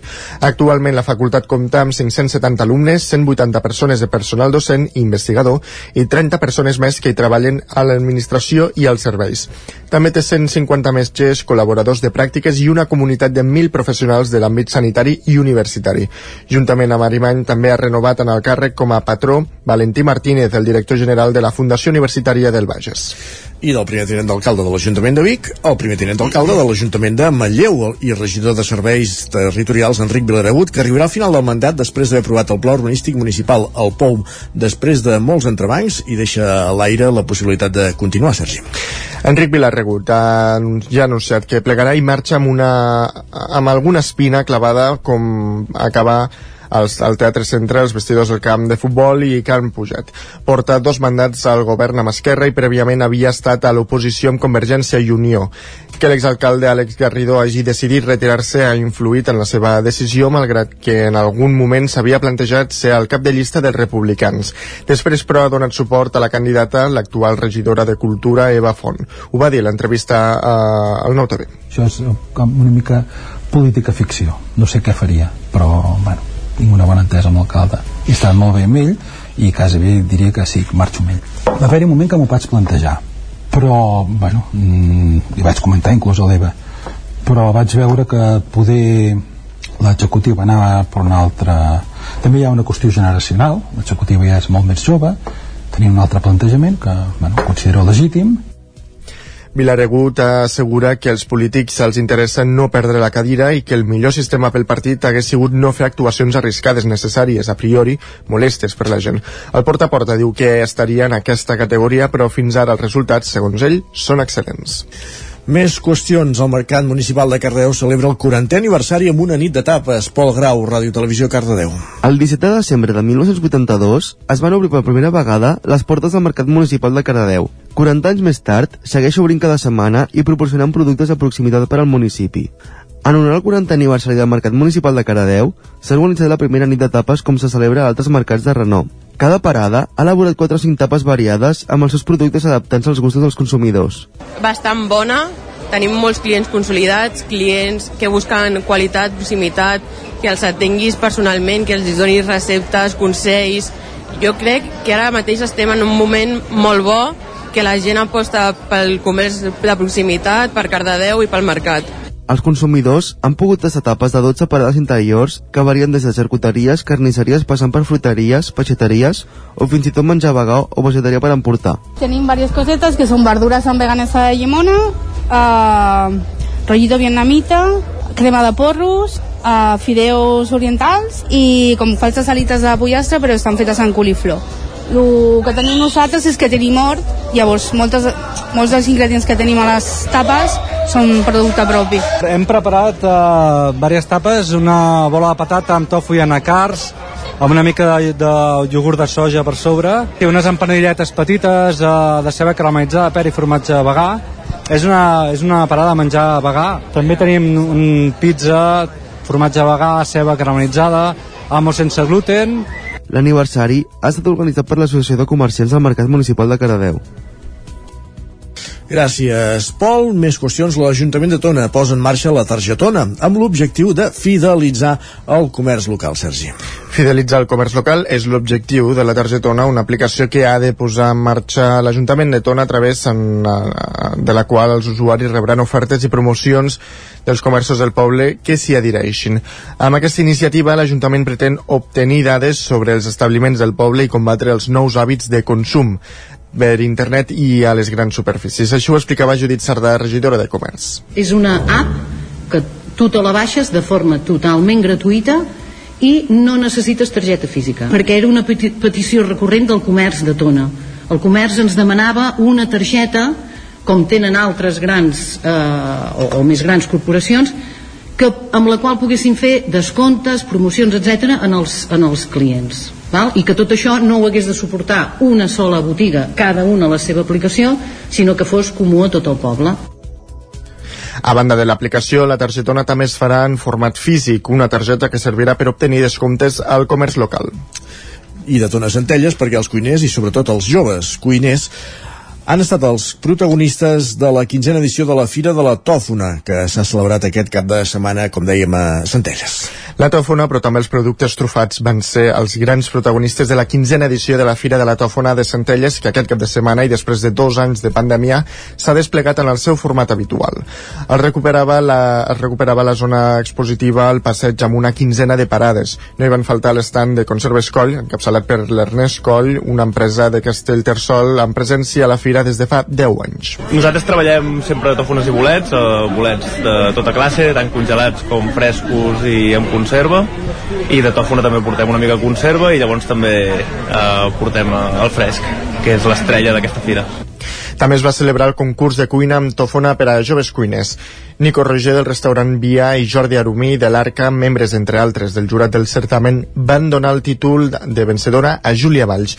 Era el punt final d'un programa vinculat amb el diamant de la gastronomia, la tòfona, un producte en tradició al municipi, segons l'alcalde Josep Paré, decidit a convertir-se en capital tofonaire. No, és una fira que fa molta il·lusió perquè és la quinzena fira, per tant vol dir que són 15 anys donant suport a, aquesta iniciativa. A més, quan es va iniciar jo era regidor de, de promoció econòmica i per tant és una fira que la vivim amb molta il·lusió ja que Centelles eh, històricament havia marcat el preu de, de la tòfona Un preu que, per cert, aquest cap de setmana rondava els 1.200 euros al quilo. Gràcies, Sergi. Acabem aquí aquest repàs informatiu que començàvem al punt de les 10 en companyia de Sergi Vives, Isaac Muntades, Pol Grau i Caral Campàs. Moment al territori 17 de parlar del temps. Saludem tot seguit en Pep Acosta.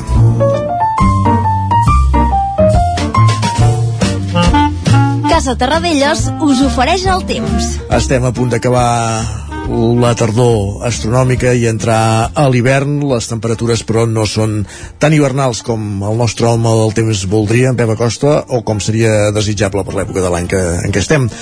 Oi que no, Pep? Benvingut, bon dia. Molt bon dia.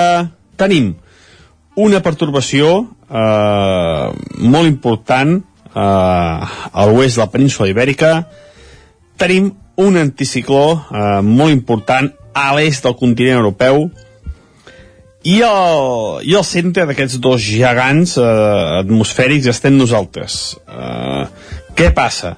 Que aquests dos elements estan enviant vent del sud, eh, vent del sud que procedeix del mateix desert del Sàhara. Uh, aquests vents són els, els predominants, van ser els predominants durant tot l'estiu i que vam tenir aquestes temperatures d'escàndol.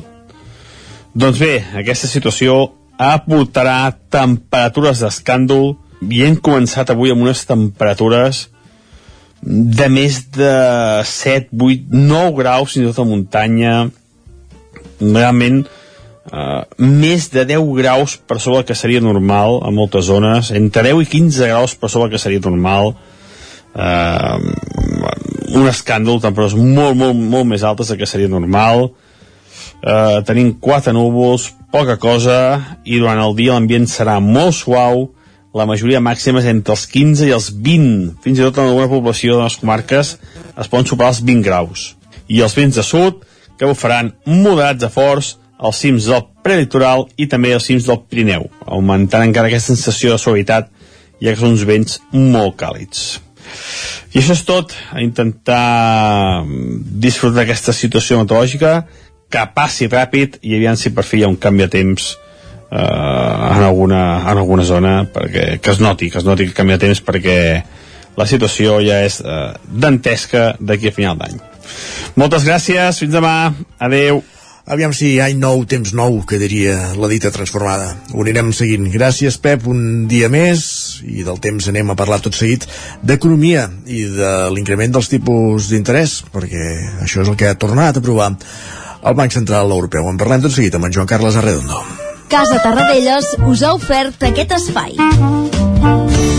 Territori 17. Envia'ns les teves notes de veu per WhatsApp al 646 079 023. 646 079 023. WhatsApp Territori 17.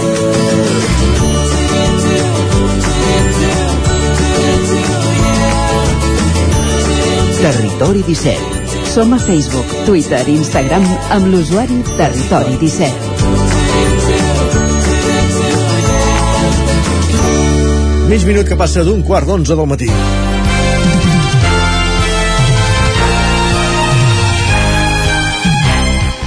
I és moment, com cada dimarts a aquesta hora, parlar d'economia i de fer-ho en companyia d'en Joan Carles Arredondo, el cap d'Economia del 9-9 del Vallès Oriental. Joan Carles, benvingut, bon dia.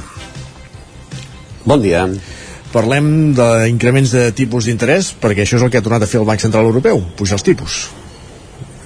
Sí, tornem a parlar de... de, de jo, jo crec que, clar, com, com tots els anys, eh, si, si busques si busques titulars en pots trobar molts, no? Sí. Però, però des del punt de vista econòmic no seria estrany que, que, que sigui aquest 2022 eh, conegut com l'any en, es, en què es va disparar la inflació, no? Eh, això ha passat eh, després d'exercicis de contenció que però s'han produït durant tot, aquest, durant tot aquest 2022 un seguit de circumstàncies que sumades han portat a creixements que, que les profecies eh, havien descartat eh, quan, quan es va entrar a la moneda comuna, l'euro, l'any 2002 eh, deien que, que no hi hauria no es donarien episodis d'aquestes inflacions desbocades i 20 anys després es pot veure que, que la història, com, com diem sempre, no, no es repeteix, però rima. Exacte. Doncs aquí tenim, eh, una mica això, eh, tot això de, de la pujada de tipus d'interès eh, té, té molta relació amb això de la inflació. Eh, contextualitzant doncs una mica, eh, aquest 2022 s'han arribat a xifres de creixement de l'índex de preus de consum, eh, això que es coneix com, com l'IPC, eh, que són desconegudes des de feia gairebé quatre dècades. I això ha passat, tant a l'Estat com a la resta d'Europa. Aquesta inflació desconeguda durant dècades ha apuntat a una certa frenada durant els últims mesos.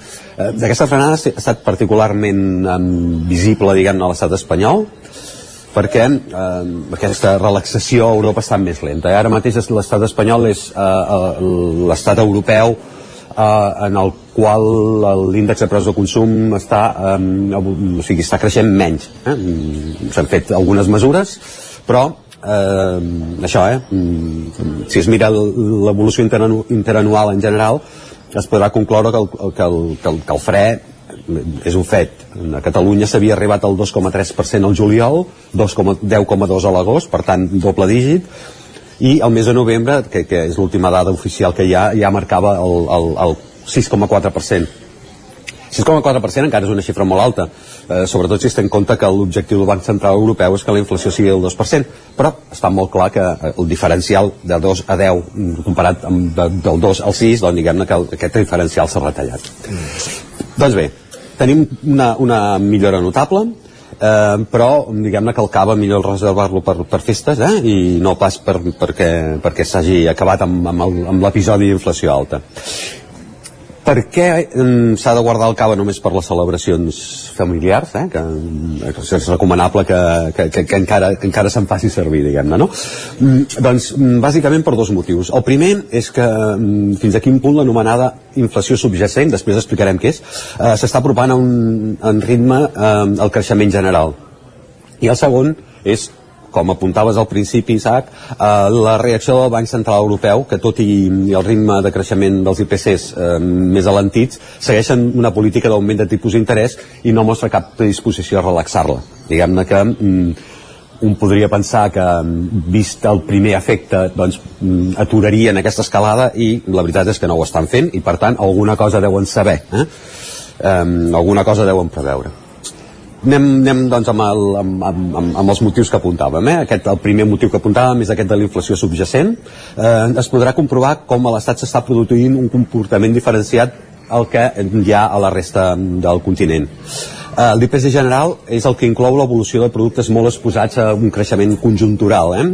tenim sobretot els aliments que ara mateix estan desbocats amb increments del 15% i això no s'ha relaxat i això hauria de ser també un motiu de preocupació Mm, eh, doncs dèiem, eh, aquests, l'IPC inclou aquests productes, aliments, energia, carburants, aquest increment està en un 6,8% en el conjunt de l'Estat, eh, lleugerament més moderat a Catalunya, que és un 6,4%. Eh, mm, la inflació subjacent compta com estaven evolucionant els preus de, dels productes exclosos aquests que estan tan marcats per, per, per, les, per els moments conjunturals no? I ara mateix a l'Estat diguem-ne que eh, està, la situació està una mica pitjor que a la resta d'Europa.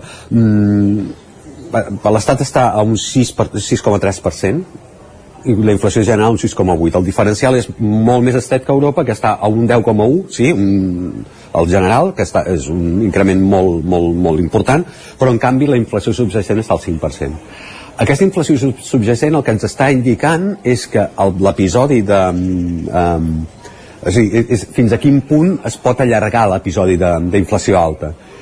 A Europa sembla que aniria més ràpid um, contenir-se i en canvi a l'Estat mm, estarem en aquest, en aquest punt així elevat potser durant algun temps més.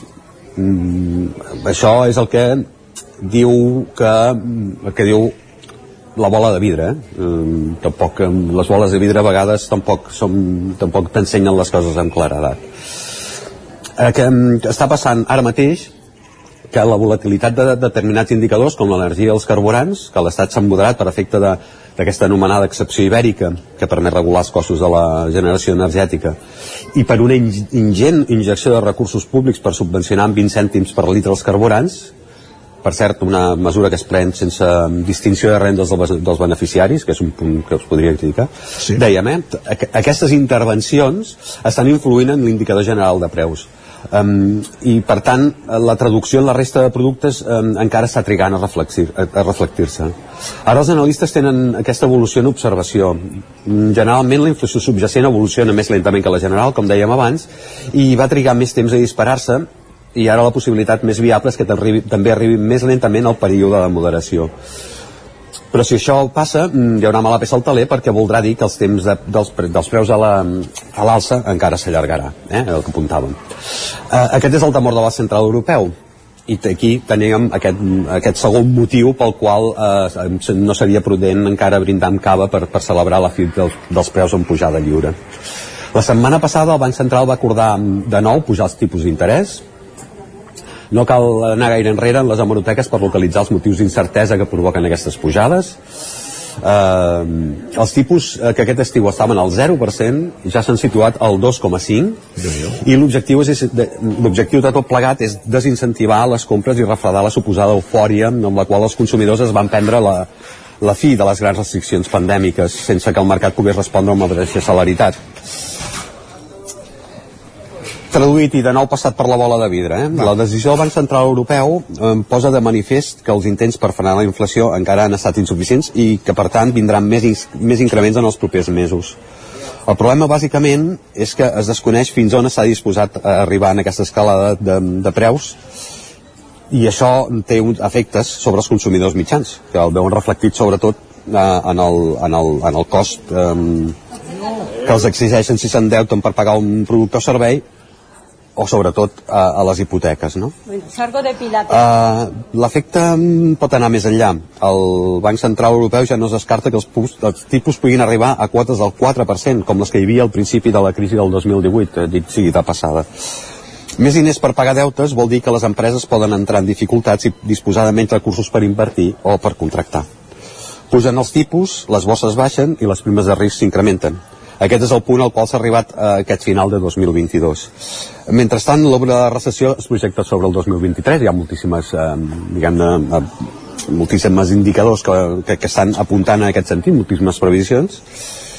Um, la inflació serà el pretext d'aquesta d'aquesta recessió i aquí tenim que probablement tot provingui d'un mal diagnòstic sobre les causes que han provocat aquest increment de preu. Sempre havíem dit que era un problema més d'oferta que no pas de demanda i en canvi la pujada de tipus d'interès afecta la demanda, no? intenta retallar la demanda. I per tant tenim aquí que els guardians de la rigidesa mm, han tornat a atendre una vegada més eh, les necessitats dels mercats per demanda dels, dels ciutadans. I tot apunta per tant que els perdedors acabaran sent més que els guanyadors. Això és una cosa que acostuma a passar. Una vegada més doncs veurem com evoluciona tot plegat. Eh, el que està clar és això.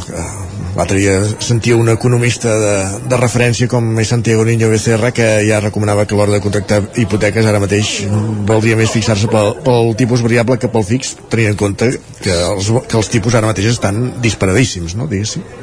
Sí, diguem-ne que, que s'havia dit permanent... Hi ha hagut molta, molta gent que durant aquest període d'interessos baixos ha tingut ara que estan pujant els tipus, ha tingut la sort que contractés eh, a tipus fix, però probablement és veritat que ara el Niño Becerra corre una mica, sí.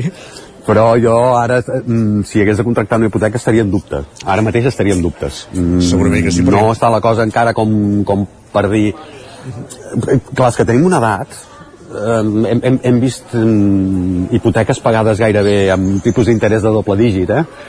I, i clar, alguna vegada he fet el comentari, home, a mi que em parlin dels 4% no m'espanta, no? I, quan, sí.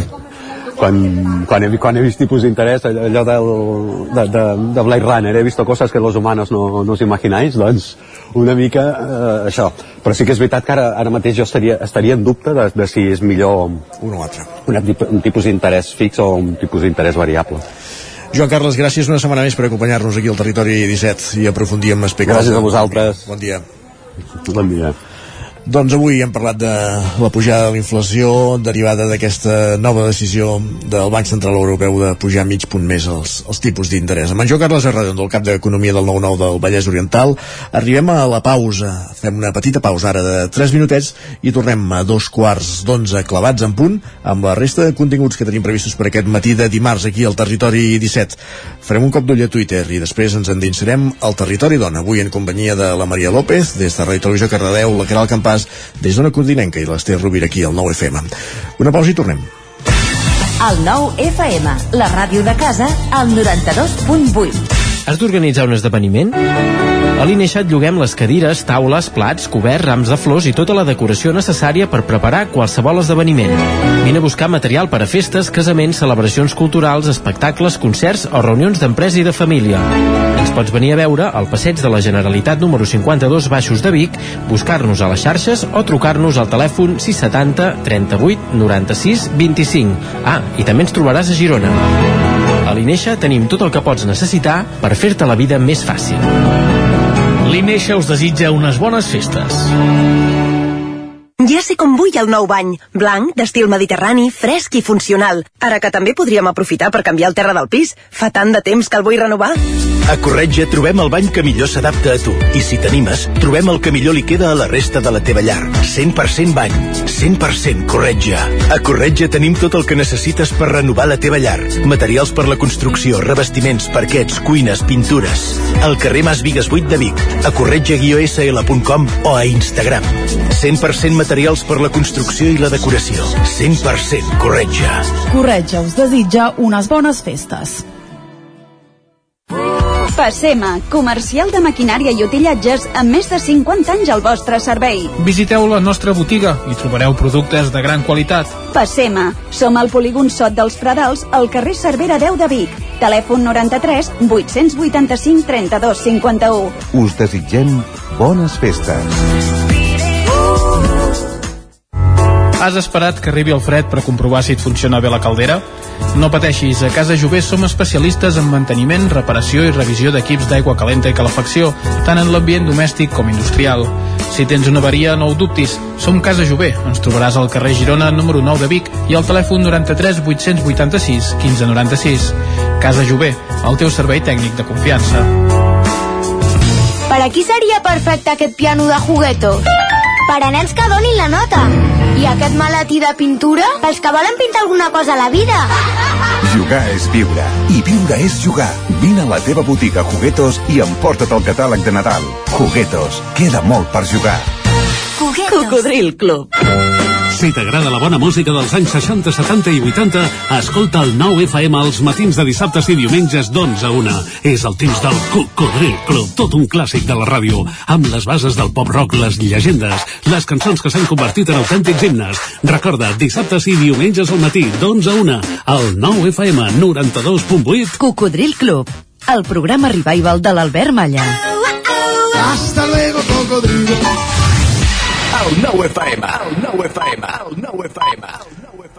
En punt, dos quarts d'onze, al territori 17.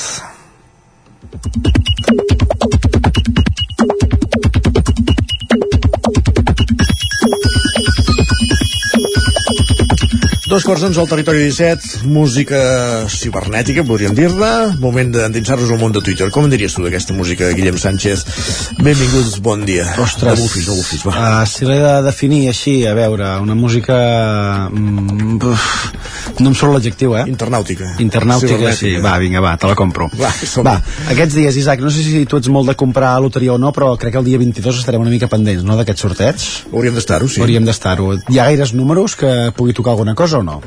Uh, el, el 9, bàsicament. Tinc tres dècims i tots tres acaben amb 9. I, i dos dels quals són d'aquells que la gent podria qualificar de lletjos, perquè uh, consten només de dos números repetits uh, mil vegades. Bueno, Mira, doncs- tres en un i dos en l'altre. És una bona manera de poder tenir una mica més de, de sort, potser perquè hi ha gent que creu molt eh, en, aquestes, en aquestes coses. De fet, aquest usuari ens fa una reflexió interessant al voltant de la loteria. Com dèiem, diu, compreu la loteria de Nadal, sobretot la de les vostres empreses, perquè no m'imagino lo dur que ha de ser que tota la gent de l'oficina li toqui alguna cosa i tu et quedis menjant els mocs. Miri que he estat molts anys sense fer-ho.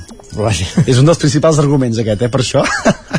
I en Carles, molt segur d'ell mateix, ens afirma el següent en aquesta piulada. Diu, abans tothom et venia per una o altra banda loteria de Nadal. Avui ningú et ven loteria de Nadal. Bé, de fet, jo sí que recordo en alguns moments gent que picava a casa, eh, trucava al timbre i et deia de, de, de comprar un dècim, una participació, alguna cosa, i ara potser sí que, que ha baixat una mica més aquest, aquest fervor, no amb les administracions, eh, que hi ha, unes, No. hi ha una excusa aquests dies que també són de calample. Sí, però allò que el, el, els nens que anaven a entitats esportives i que sortien amb un taló, Per exemple. amb 300 talonaris per anar a vendre, ara, de fet, sí, passa, però es, es queden entre la família. Correcte. El, el nen no ha de córrer picant timbres. eh, Els afortunats són els tiets, els avis i els, i els cosins de... I llavors aquests números són aquells que s'acaben intercanviant. Sí, sí, jo Jo te'n compro dos de bàsquet, però te'n te'n col·loco tres de l'hoquei. Bàsicament vindria a ser això, no? I tant. La Jane en aquest sentit ens escriu en què es gastaria els diners si li toqués algun premi. Ella ja creu que li pot tocar alguna cosa. Diu, tothom desitjant que li toqui la loteria per anar a viure a un lloc amb calor. Diu, i jo me n'aniria a un lloc amb fred. Quina calor que fot a Barcelona. A pocs dies de Nadal i tenim temperatures de setembre, de tardor acabada de començar. Doncs ella això, vol que li toqui la loteria per anar a viure a un lloc amb fred.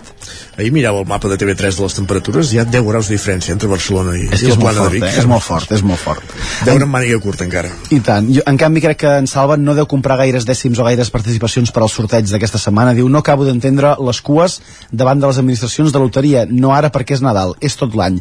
No entenc aquesta dèria i fanatisme malaltís per deixar-se els diners a l'espera d'un miracle, ho qualifica ell. Som malalts ludòpates en general. Som malalts ludòpates. Mira, bona, bona definició, bon diagnòstic. Va, anem per altres coses. L'Espadamala ens fa una afirmació a la qual dono suport Alerta, al 100% Espadamala, aquests dies de regals i coses i obsequis. Diu, pren més sentit que mai la idea que el millor que et poden regalar són aliments.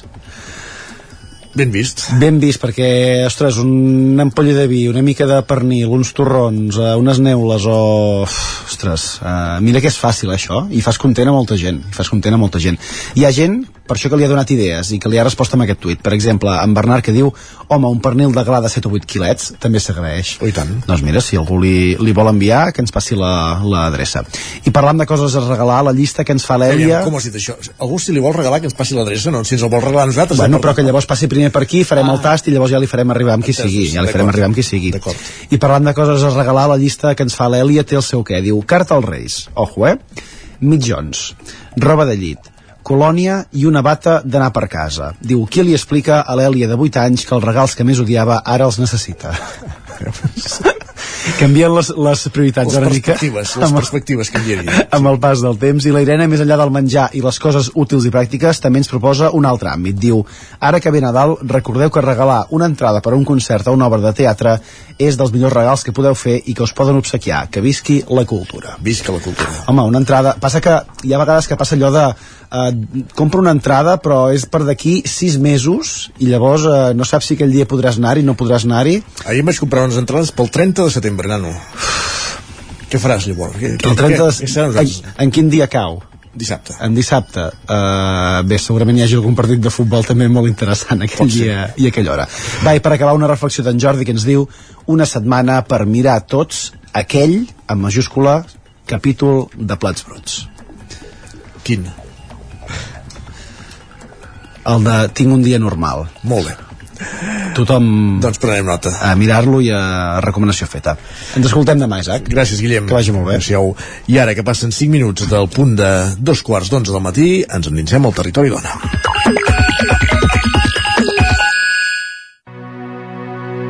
Territori 17 el 9 FM, la veu de Sant Joan, Ona Codinenca, Ràdio Cardedeu, Territori 17.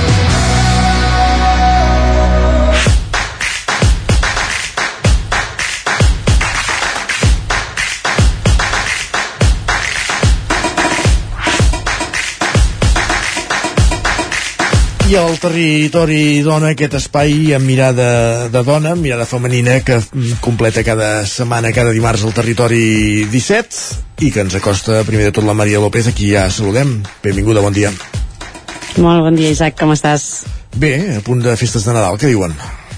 Molt bé, jo és que sento aquests, aquests timbals, aquest, eh, aquesta sintonia batallera i ja eh, posa l'energia allò a tope, eh, per començar la tertúlia. Bé està bé, està bé. Tu ja estaves preparat per les festes de Nadal, deies, però nosaltres, al Territori Dona d'avui, també, ja ho veuràs, perquè efectivament comença un nou Territori Dona, aquesta tertúlia de batalla que fem les companyes de Territori 17 i que pretén assenyalar i posar el focus sobre el masclisme imperant encara a la nostra societat. I com cada dimarts, per la nostra tertúlia, contem amb les companyes del Nou Ràdio, que avui ens acompanya l'Ester Rovira. Bon dia, Ester. Bon dia. Bon dia. I des d'Ona Codinenca ens acompanya una setmana més la Caral Campàs. Bon dia, Caral. Hola, bon dia. Així que ja hi som totes, si us sembla, som-hi amb el territori dona d'avui. I avui, com avançàvem fa uns segonets, i com no podia ser d'una altra manera, tenint en compte que és l'últim territori dona d'aquest any, toca parlar de les festes de Nadal. Uns dies on sortim d'aquesta nostra zona de confort, de la nostra petita bombolla, per retrobar-nos amb la família. I quan parlo de la família, no parlo dels que tenim aquí a casa, sinó em refereixo especialment a aquella família que no veus tan sovint i que sempre et poden sorprendre amb alguna perla. Parlo de la iaia o del cunyadíssim de turno que et poden donar el Nadal, realment, i que ens poden posar al límit límit amb situacions que representen el patriarcat més recalcitrant. Així que, si us sembla, per la tertúlia d'avui hem preparat una mica de top 5 basant-nos en les aportacions que ens ha fet arribar la gent a través de les xarxes socials. He intentat, us prometo que he intentat trobar un efecte de so que digués top 5, així com em veu molt potent, però no, no l'he aconseguit, i li he demanat al Pol si me'l podia fer. Pol, si us plau, fes-nos el top 5 abans de començar. Tenim un, un què tenim avui? Un top 5. Ara, gràcies, Pol. Som-hi, doncs, amb el top 5 d'avui, perquè en el lloc número 5 tenim el clàssic Dones a la cuina, un clàssic dels clàssics. I aquí, el que he anat veient pels comentaris que m'ha fet arribar la gent és que poden passar dues coses. Opció número 1 és que totes les dones estiguin a la cuina, mentre els homes estan ajudant a arreglar, posant les piles a les joguines dels nens, com si posar les piles fos un gran què, eh, allò fent feina d'homes, no?, diguéssim. Però després hi ha la versió 2, que ha anat evolucionant amb el temps, que és no, el dinar de Nadal el fa l'home, però és el dia de la medalla, perquè sap fer aquell plat millor que ningú, no? I és el dia que entra a la cuina i resulta que ho fa fantàsticament. Noies, jo no sé quin és el cas a casa vostra, a casa meva sempre havia sigut cuina, cosa de dones, també tinc una família on bastant el matriarcat impera bastant, però a casa vostra no sé com funcionava el tema dels dinars de Nadal. Qui hi ha a la cuina quan entrem a casa vostra, Esther? A, casa meva, i això sí que ho he de dir, uh, sempre tots dos, però sóc conscient que segurament és un cas excepcional, eh? però a casa meva sí que és una cosa molt, uh, molt de tots dos, del meu pare i la meva mare, per tant en aquest cas sí que no puc mm, dir el contrari, però per exemple en el cas dels avis no, eh? per descomptat sempre, sempre uh, les dones. I ara m'ha fet pensar que l'altre dia vaig anar a una botiga aquí a Vic i allò comprant regals i la dependenta de la botiga deia a les clientes, perquè majoritàriament eren clientes, aprofitem aquests dies per comprar regals que així ja ho tenim resolt i després així ens podem tancar la cuina. I vaig estar, sí, i, vaig pensar que ja és el subum, no?, que, que nosaltres mateixes ho, ho, ho repetim i donem per fet que, que és la, la nostra tasca aquests dies, no?, deixar els regals resolts eh, doncs aquestes setmanes prèvies perquè la setmana que ve, a partir de la setmana que ve, tot el dia tancades a la cuina. Eh, en fi, m'hi has fet pensar ara perquè, perquè aquests rols es reprodueixen i fins i tot nosaltres mateixes donem per fet que és el paper que tenim, no? Totalment. Caral, a casa Sí. teva com es resol el tema? A veure, jo una, una mica amb la mateixa línia, eh? Els meus eh, progenitors eh, sí que la meva mare quan se'n van anar a viure junts sí que va tenir molt clar que tot havia de ser paritari, van tenir una conversa allò profunda i, ha sigut... Sí, sí, ella ho tenia claríssim i va jo no faré cap pas sense deixar les coses endreçadetes. Però bé, quan sí que parlem de ja família més gran, incloent això, avis, tiets o no, no sé, 15 persones, 20 persones, aquí sí, sí que per les dues bandes sí que veus o pots veure més tendència a, a l'hora doncs, de fer els dinars, recollir la taula, per a la taula més uh, de, la, de les dones. I, I em feies pensar també, um, ara que comentaves això de, de la- del coma- de l'anècdota de, a l'hora d'anar a comprar els regals, no té, massa, no té massa relació, però també he pensat, l'any passat vaig venir, a, vaig anar, venir a Vic a comprar roba de, de nens petits, a acompanyar un amic meu a comprar roba de nens petits per les seves nebodes i les dependentes de la botiga eh, es dirigien a mi.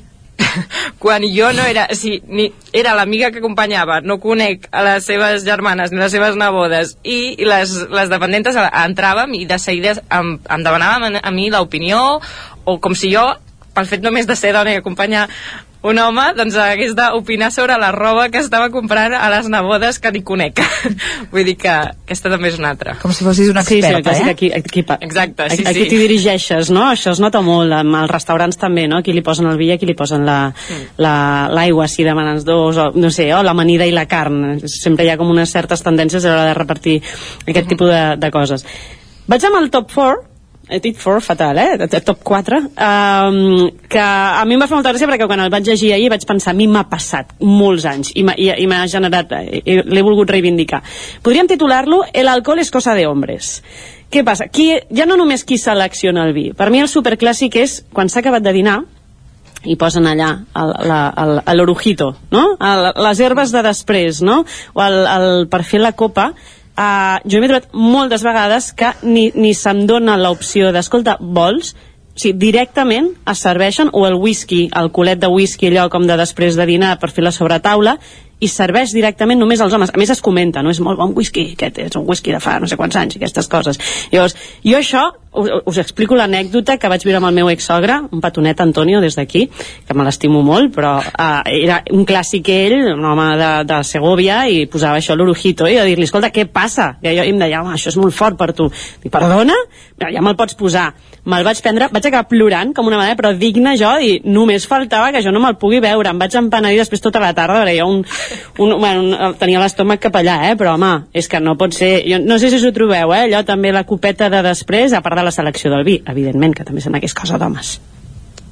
Sí, sí, Esther, són- et posen copa o no et posen copa? Mm, són casos d'aquests molt, molt típics i clàssics mm, potser cada vegada menys és veritat que um, cada vegada les, les famílies sobretot quan hi ha gent jove de, de la nostra edat segurament cada vegada passa menys uh, i això, i si surt al final doncs una ampolla del que sigui s'ofereix però, però sí que és veritat que continua havent-hi molt aquests rols i, i qui tria el vi i qui obre aquestes ampolles de, de whisky uh, o de digestius uh, sempre són homes, això és, és evident.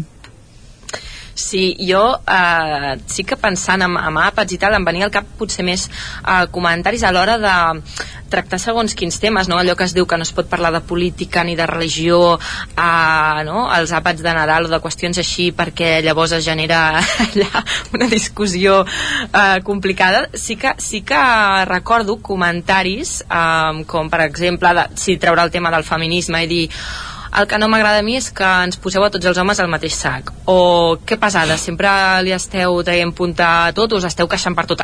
Aquestes coses, o sigui, sí que sí ha sortit el tema no, de, del gènere o el feminisme eh, sí que recordo haver sentit aquestes frases Mm, dins d'aquestes frases m'has fet pensar també en la meva ex-sogra, la dona de l'Antonio, besito Charo, que sempre deia, jo no, no quiero ni machismo ni feminismo, quiero igualdad. Dic, va, comencem pels conceptes, saps? anem a, anem a esclarir, a esclarir algunes aquesta. coses. I ja com a punt de partida no anem bé, no anem bé.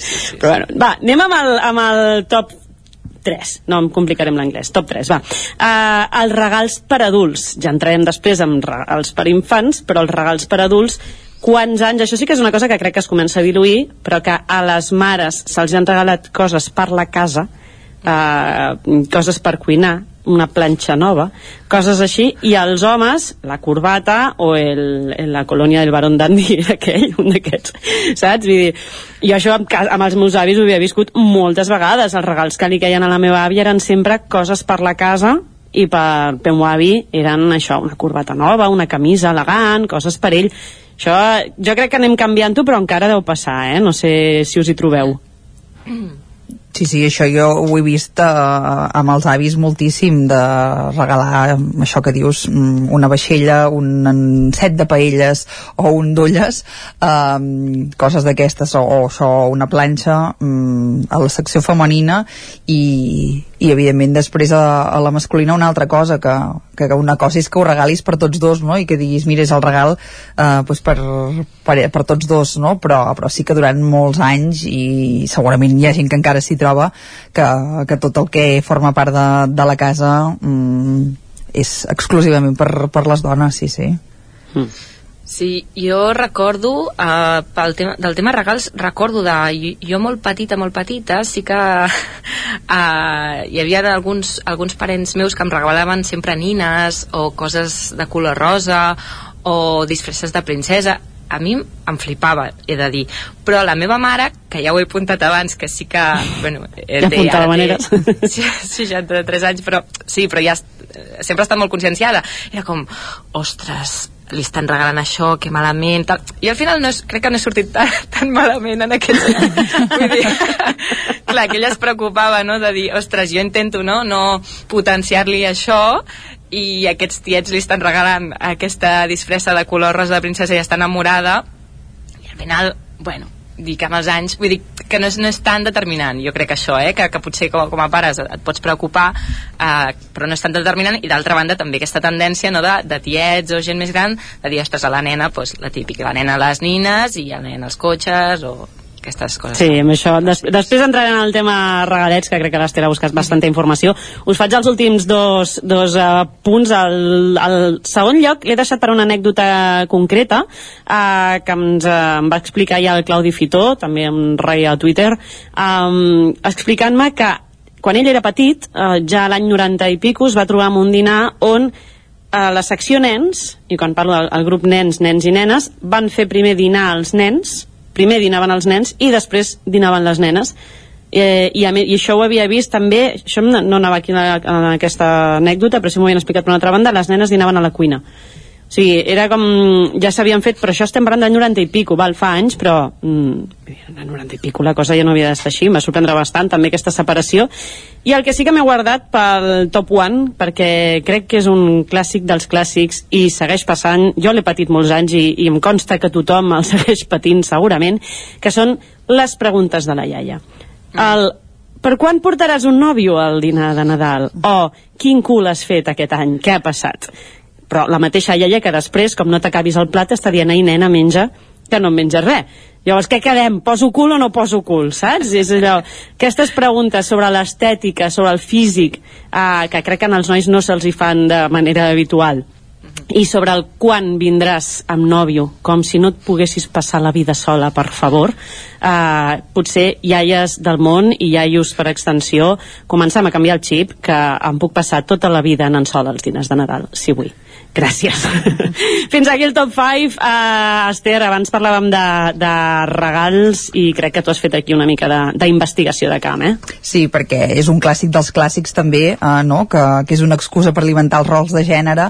Uh, el tema de les joguines de, de Nadal, uh, la Caral ho deia ara fa, fa una estona, i l'Institut uh, Català de la Dona, de fet, va intentar posar-hi uh, dades i xifres uh, l'any passat, uh, analitzant sobretot la publicitat, no? que és el que aquests dies doncs, ens surt uh, fins i tot per les orelles a tots els, a tots els mitjans i en diferents formats anunciant doncs, uh, tot el que poden demanar els nens i nenes a, a aquestes, a aquestes festes um, i aquest estudi el que feia era analitzar això, les diferències per sexes, els estereotips, els rols de gènere, el sexisme uh, que hi ha no? en tots aquests uh, anuncis um, perquè com que ja sabem la publicitat té, té un gran poder.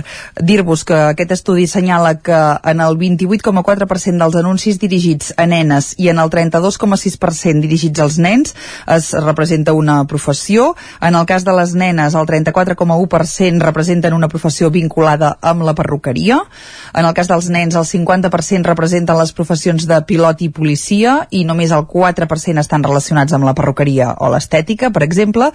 I la publicitat també estableix cànons de bellesa impossibles i aquí és on apareixen doncs, les famoses Barbies eh, o les joguines de bellesa i maquillatge dirigides exclusivament a, a nenes.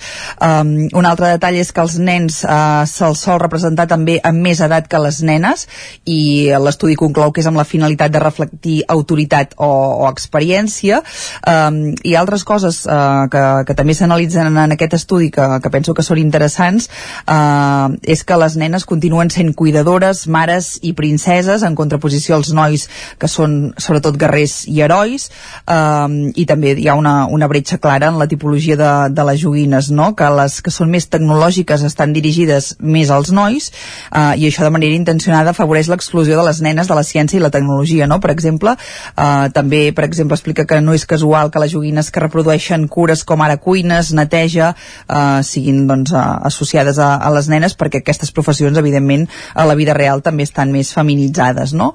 Eh, un altre tema, el dels colors en, en les joguines, no? L'informe també constata que el sexisme segueix molt present en la publicitat de, de joguines mitjançant l'ús de, de colors um, i en, evidentment en la majoria de casos són els dos formats clàssics, eh? el blau i el rosa.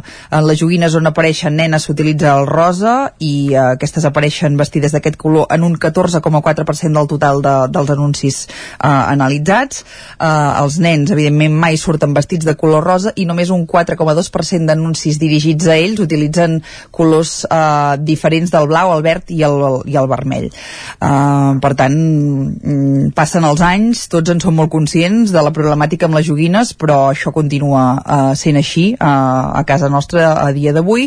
Per tant, la pregunta que ens podem fer aquests dies que tots anem a comprar-ne no, de, de joguines és uh, què podem fer? Uh, hem de ser molt conscients d'això, que el discurs publicitari és un instrument creador d'estereotips uh, i que els nens i nenes han de, de triar en funció, evidentment, de, del que els, els agradi, no? I algunes idees que, que s'apunten uh, en aquest àmbit és que siguin doncs, jocs que fomentin l'acció i l'activitat i no la, la violència, que fomentin l'esport, la tranquil·litat, eh, la cura dels altres i la tendresa per tothom jocs que valorin el treball domèstic, eh, en aquest cas també eh, generalitzats per tothom, perquè entenguin doncs, que a casa s'ha de col·laborar i, i tothom hi té eh, doncs, un pes important, jocs que afavoreixin l'autonomia personal, la relació amb els altres i la cooperació, jocs de tots els colors, formes i textures, eh, i també jocs per dins a casa i d'altres per jugar a, a fora als carrers i als, i als parcs. Aquesta seria una mica la, la recomanació per, per lluitar contra, contra aquesta problemàtica que això, que campanya rere campanya de Nadal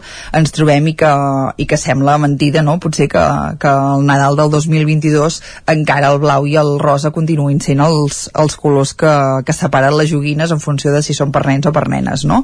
Um, no sé si, si això, si vosaltres uh, teniu fills, nebots, um, gent a l'entorn, però que si, si aneu a, a botigues de joguines us trobareu que encara passa molt, no? em sembla superfort que encara ens trobem amb, amb, amb aquestes dades, la veritat pensava que la cosa hauria, hauria avançat bastant, bastant, men, bastant més, està clar, que, clar que no, que no ho ha fet. Uh, jo tinc fills, sí que és veritat que ara ja són més grans i els catàlegs de joguines ja no, ja no estan per casa i també és veritat que no tenen un joc molt, molt dintre, o sigui, que, que poguéssim determinar molt com a masculí o femení, dintre de que sí que els dos fan futbol, per exemple, a nivell regals no, no seria potser una cosa més neutra, però, però tenia l'esperança que la cosa hagués evolucionat una mica més. El que sí que ha evolucionat una mica més, a veure si ens dona temps de comentar una miqueta, Caral, és el món dels anuncis, o almenys aquesta rentada de cara que ha intentat fer alguna marca. No sé si ens pots explicar què ha passat sí. amb JB.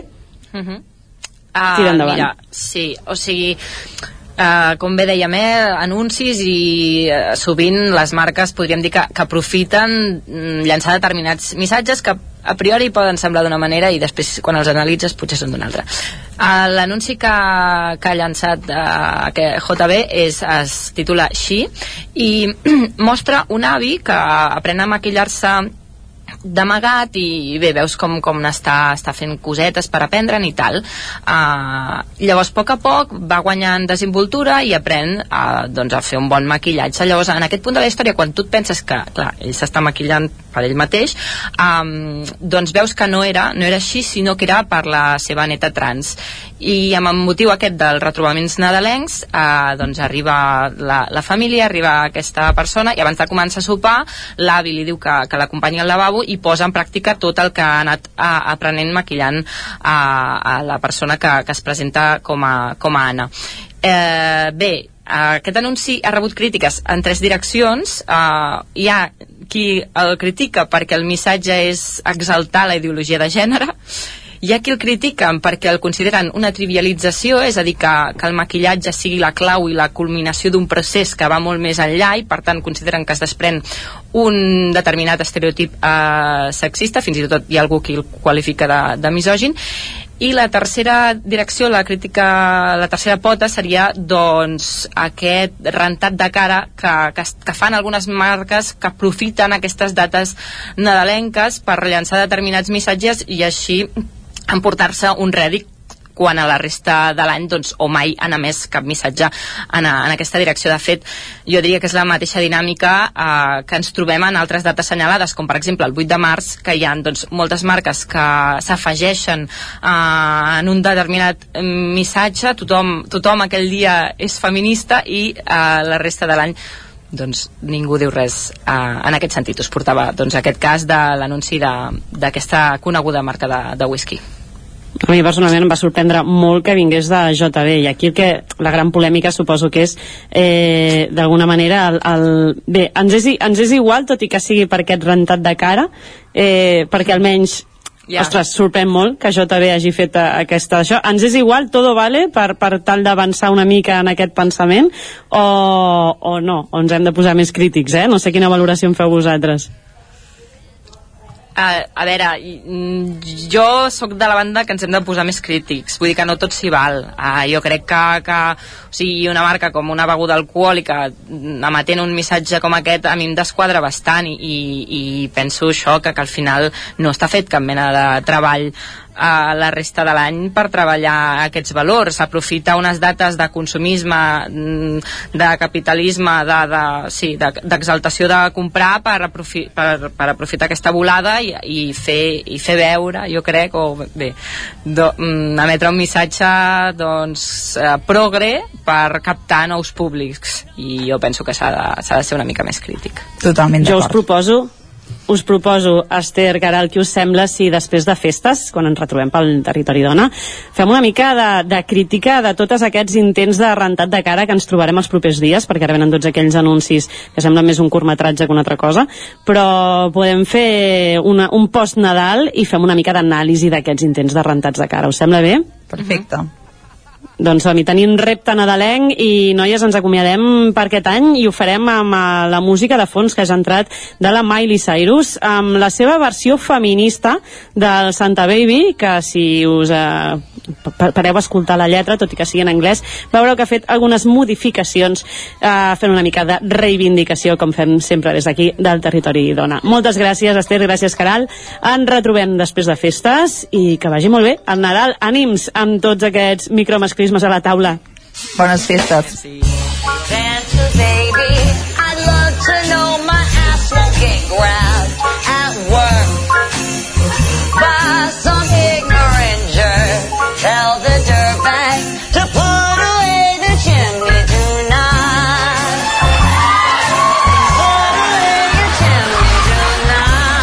I així, amb aquesta adaptació irònica, acabem el Territori Dona i el Territori 17. Us hem acompanyat des de les 9 del matí. Isaac Muntades, Laia Jiménez, Feba Costa, Pol Grau, Joan Carles Arredondo, Guillem Sánchez, Esther Rovira, Caral Campàs, Maria López, Sergi Vives i Isaac Moreno. El Territori 17 hi torna demà a partir de les 9 fins a les hores. Gràcies per ser-hi. Adéu-siau.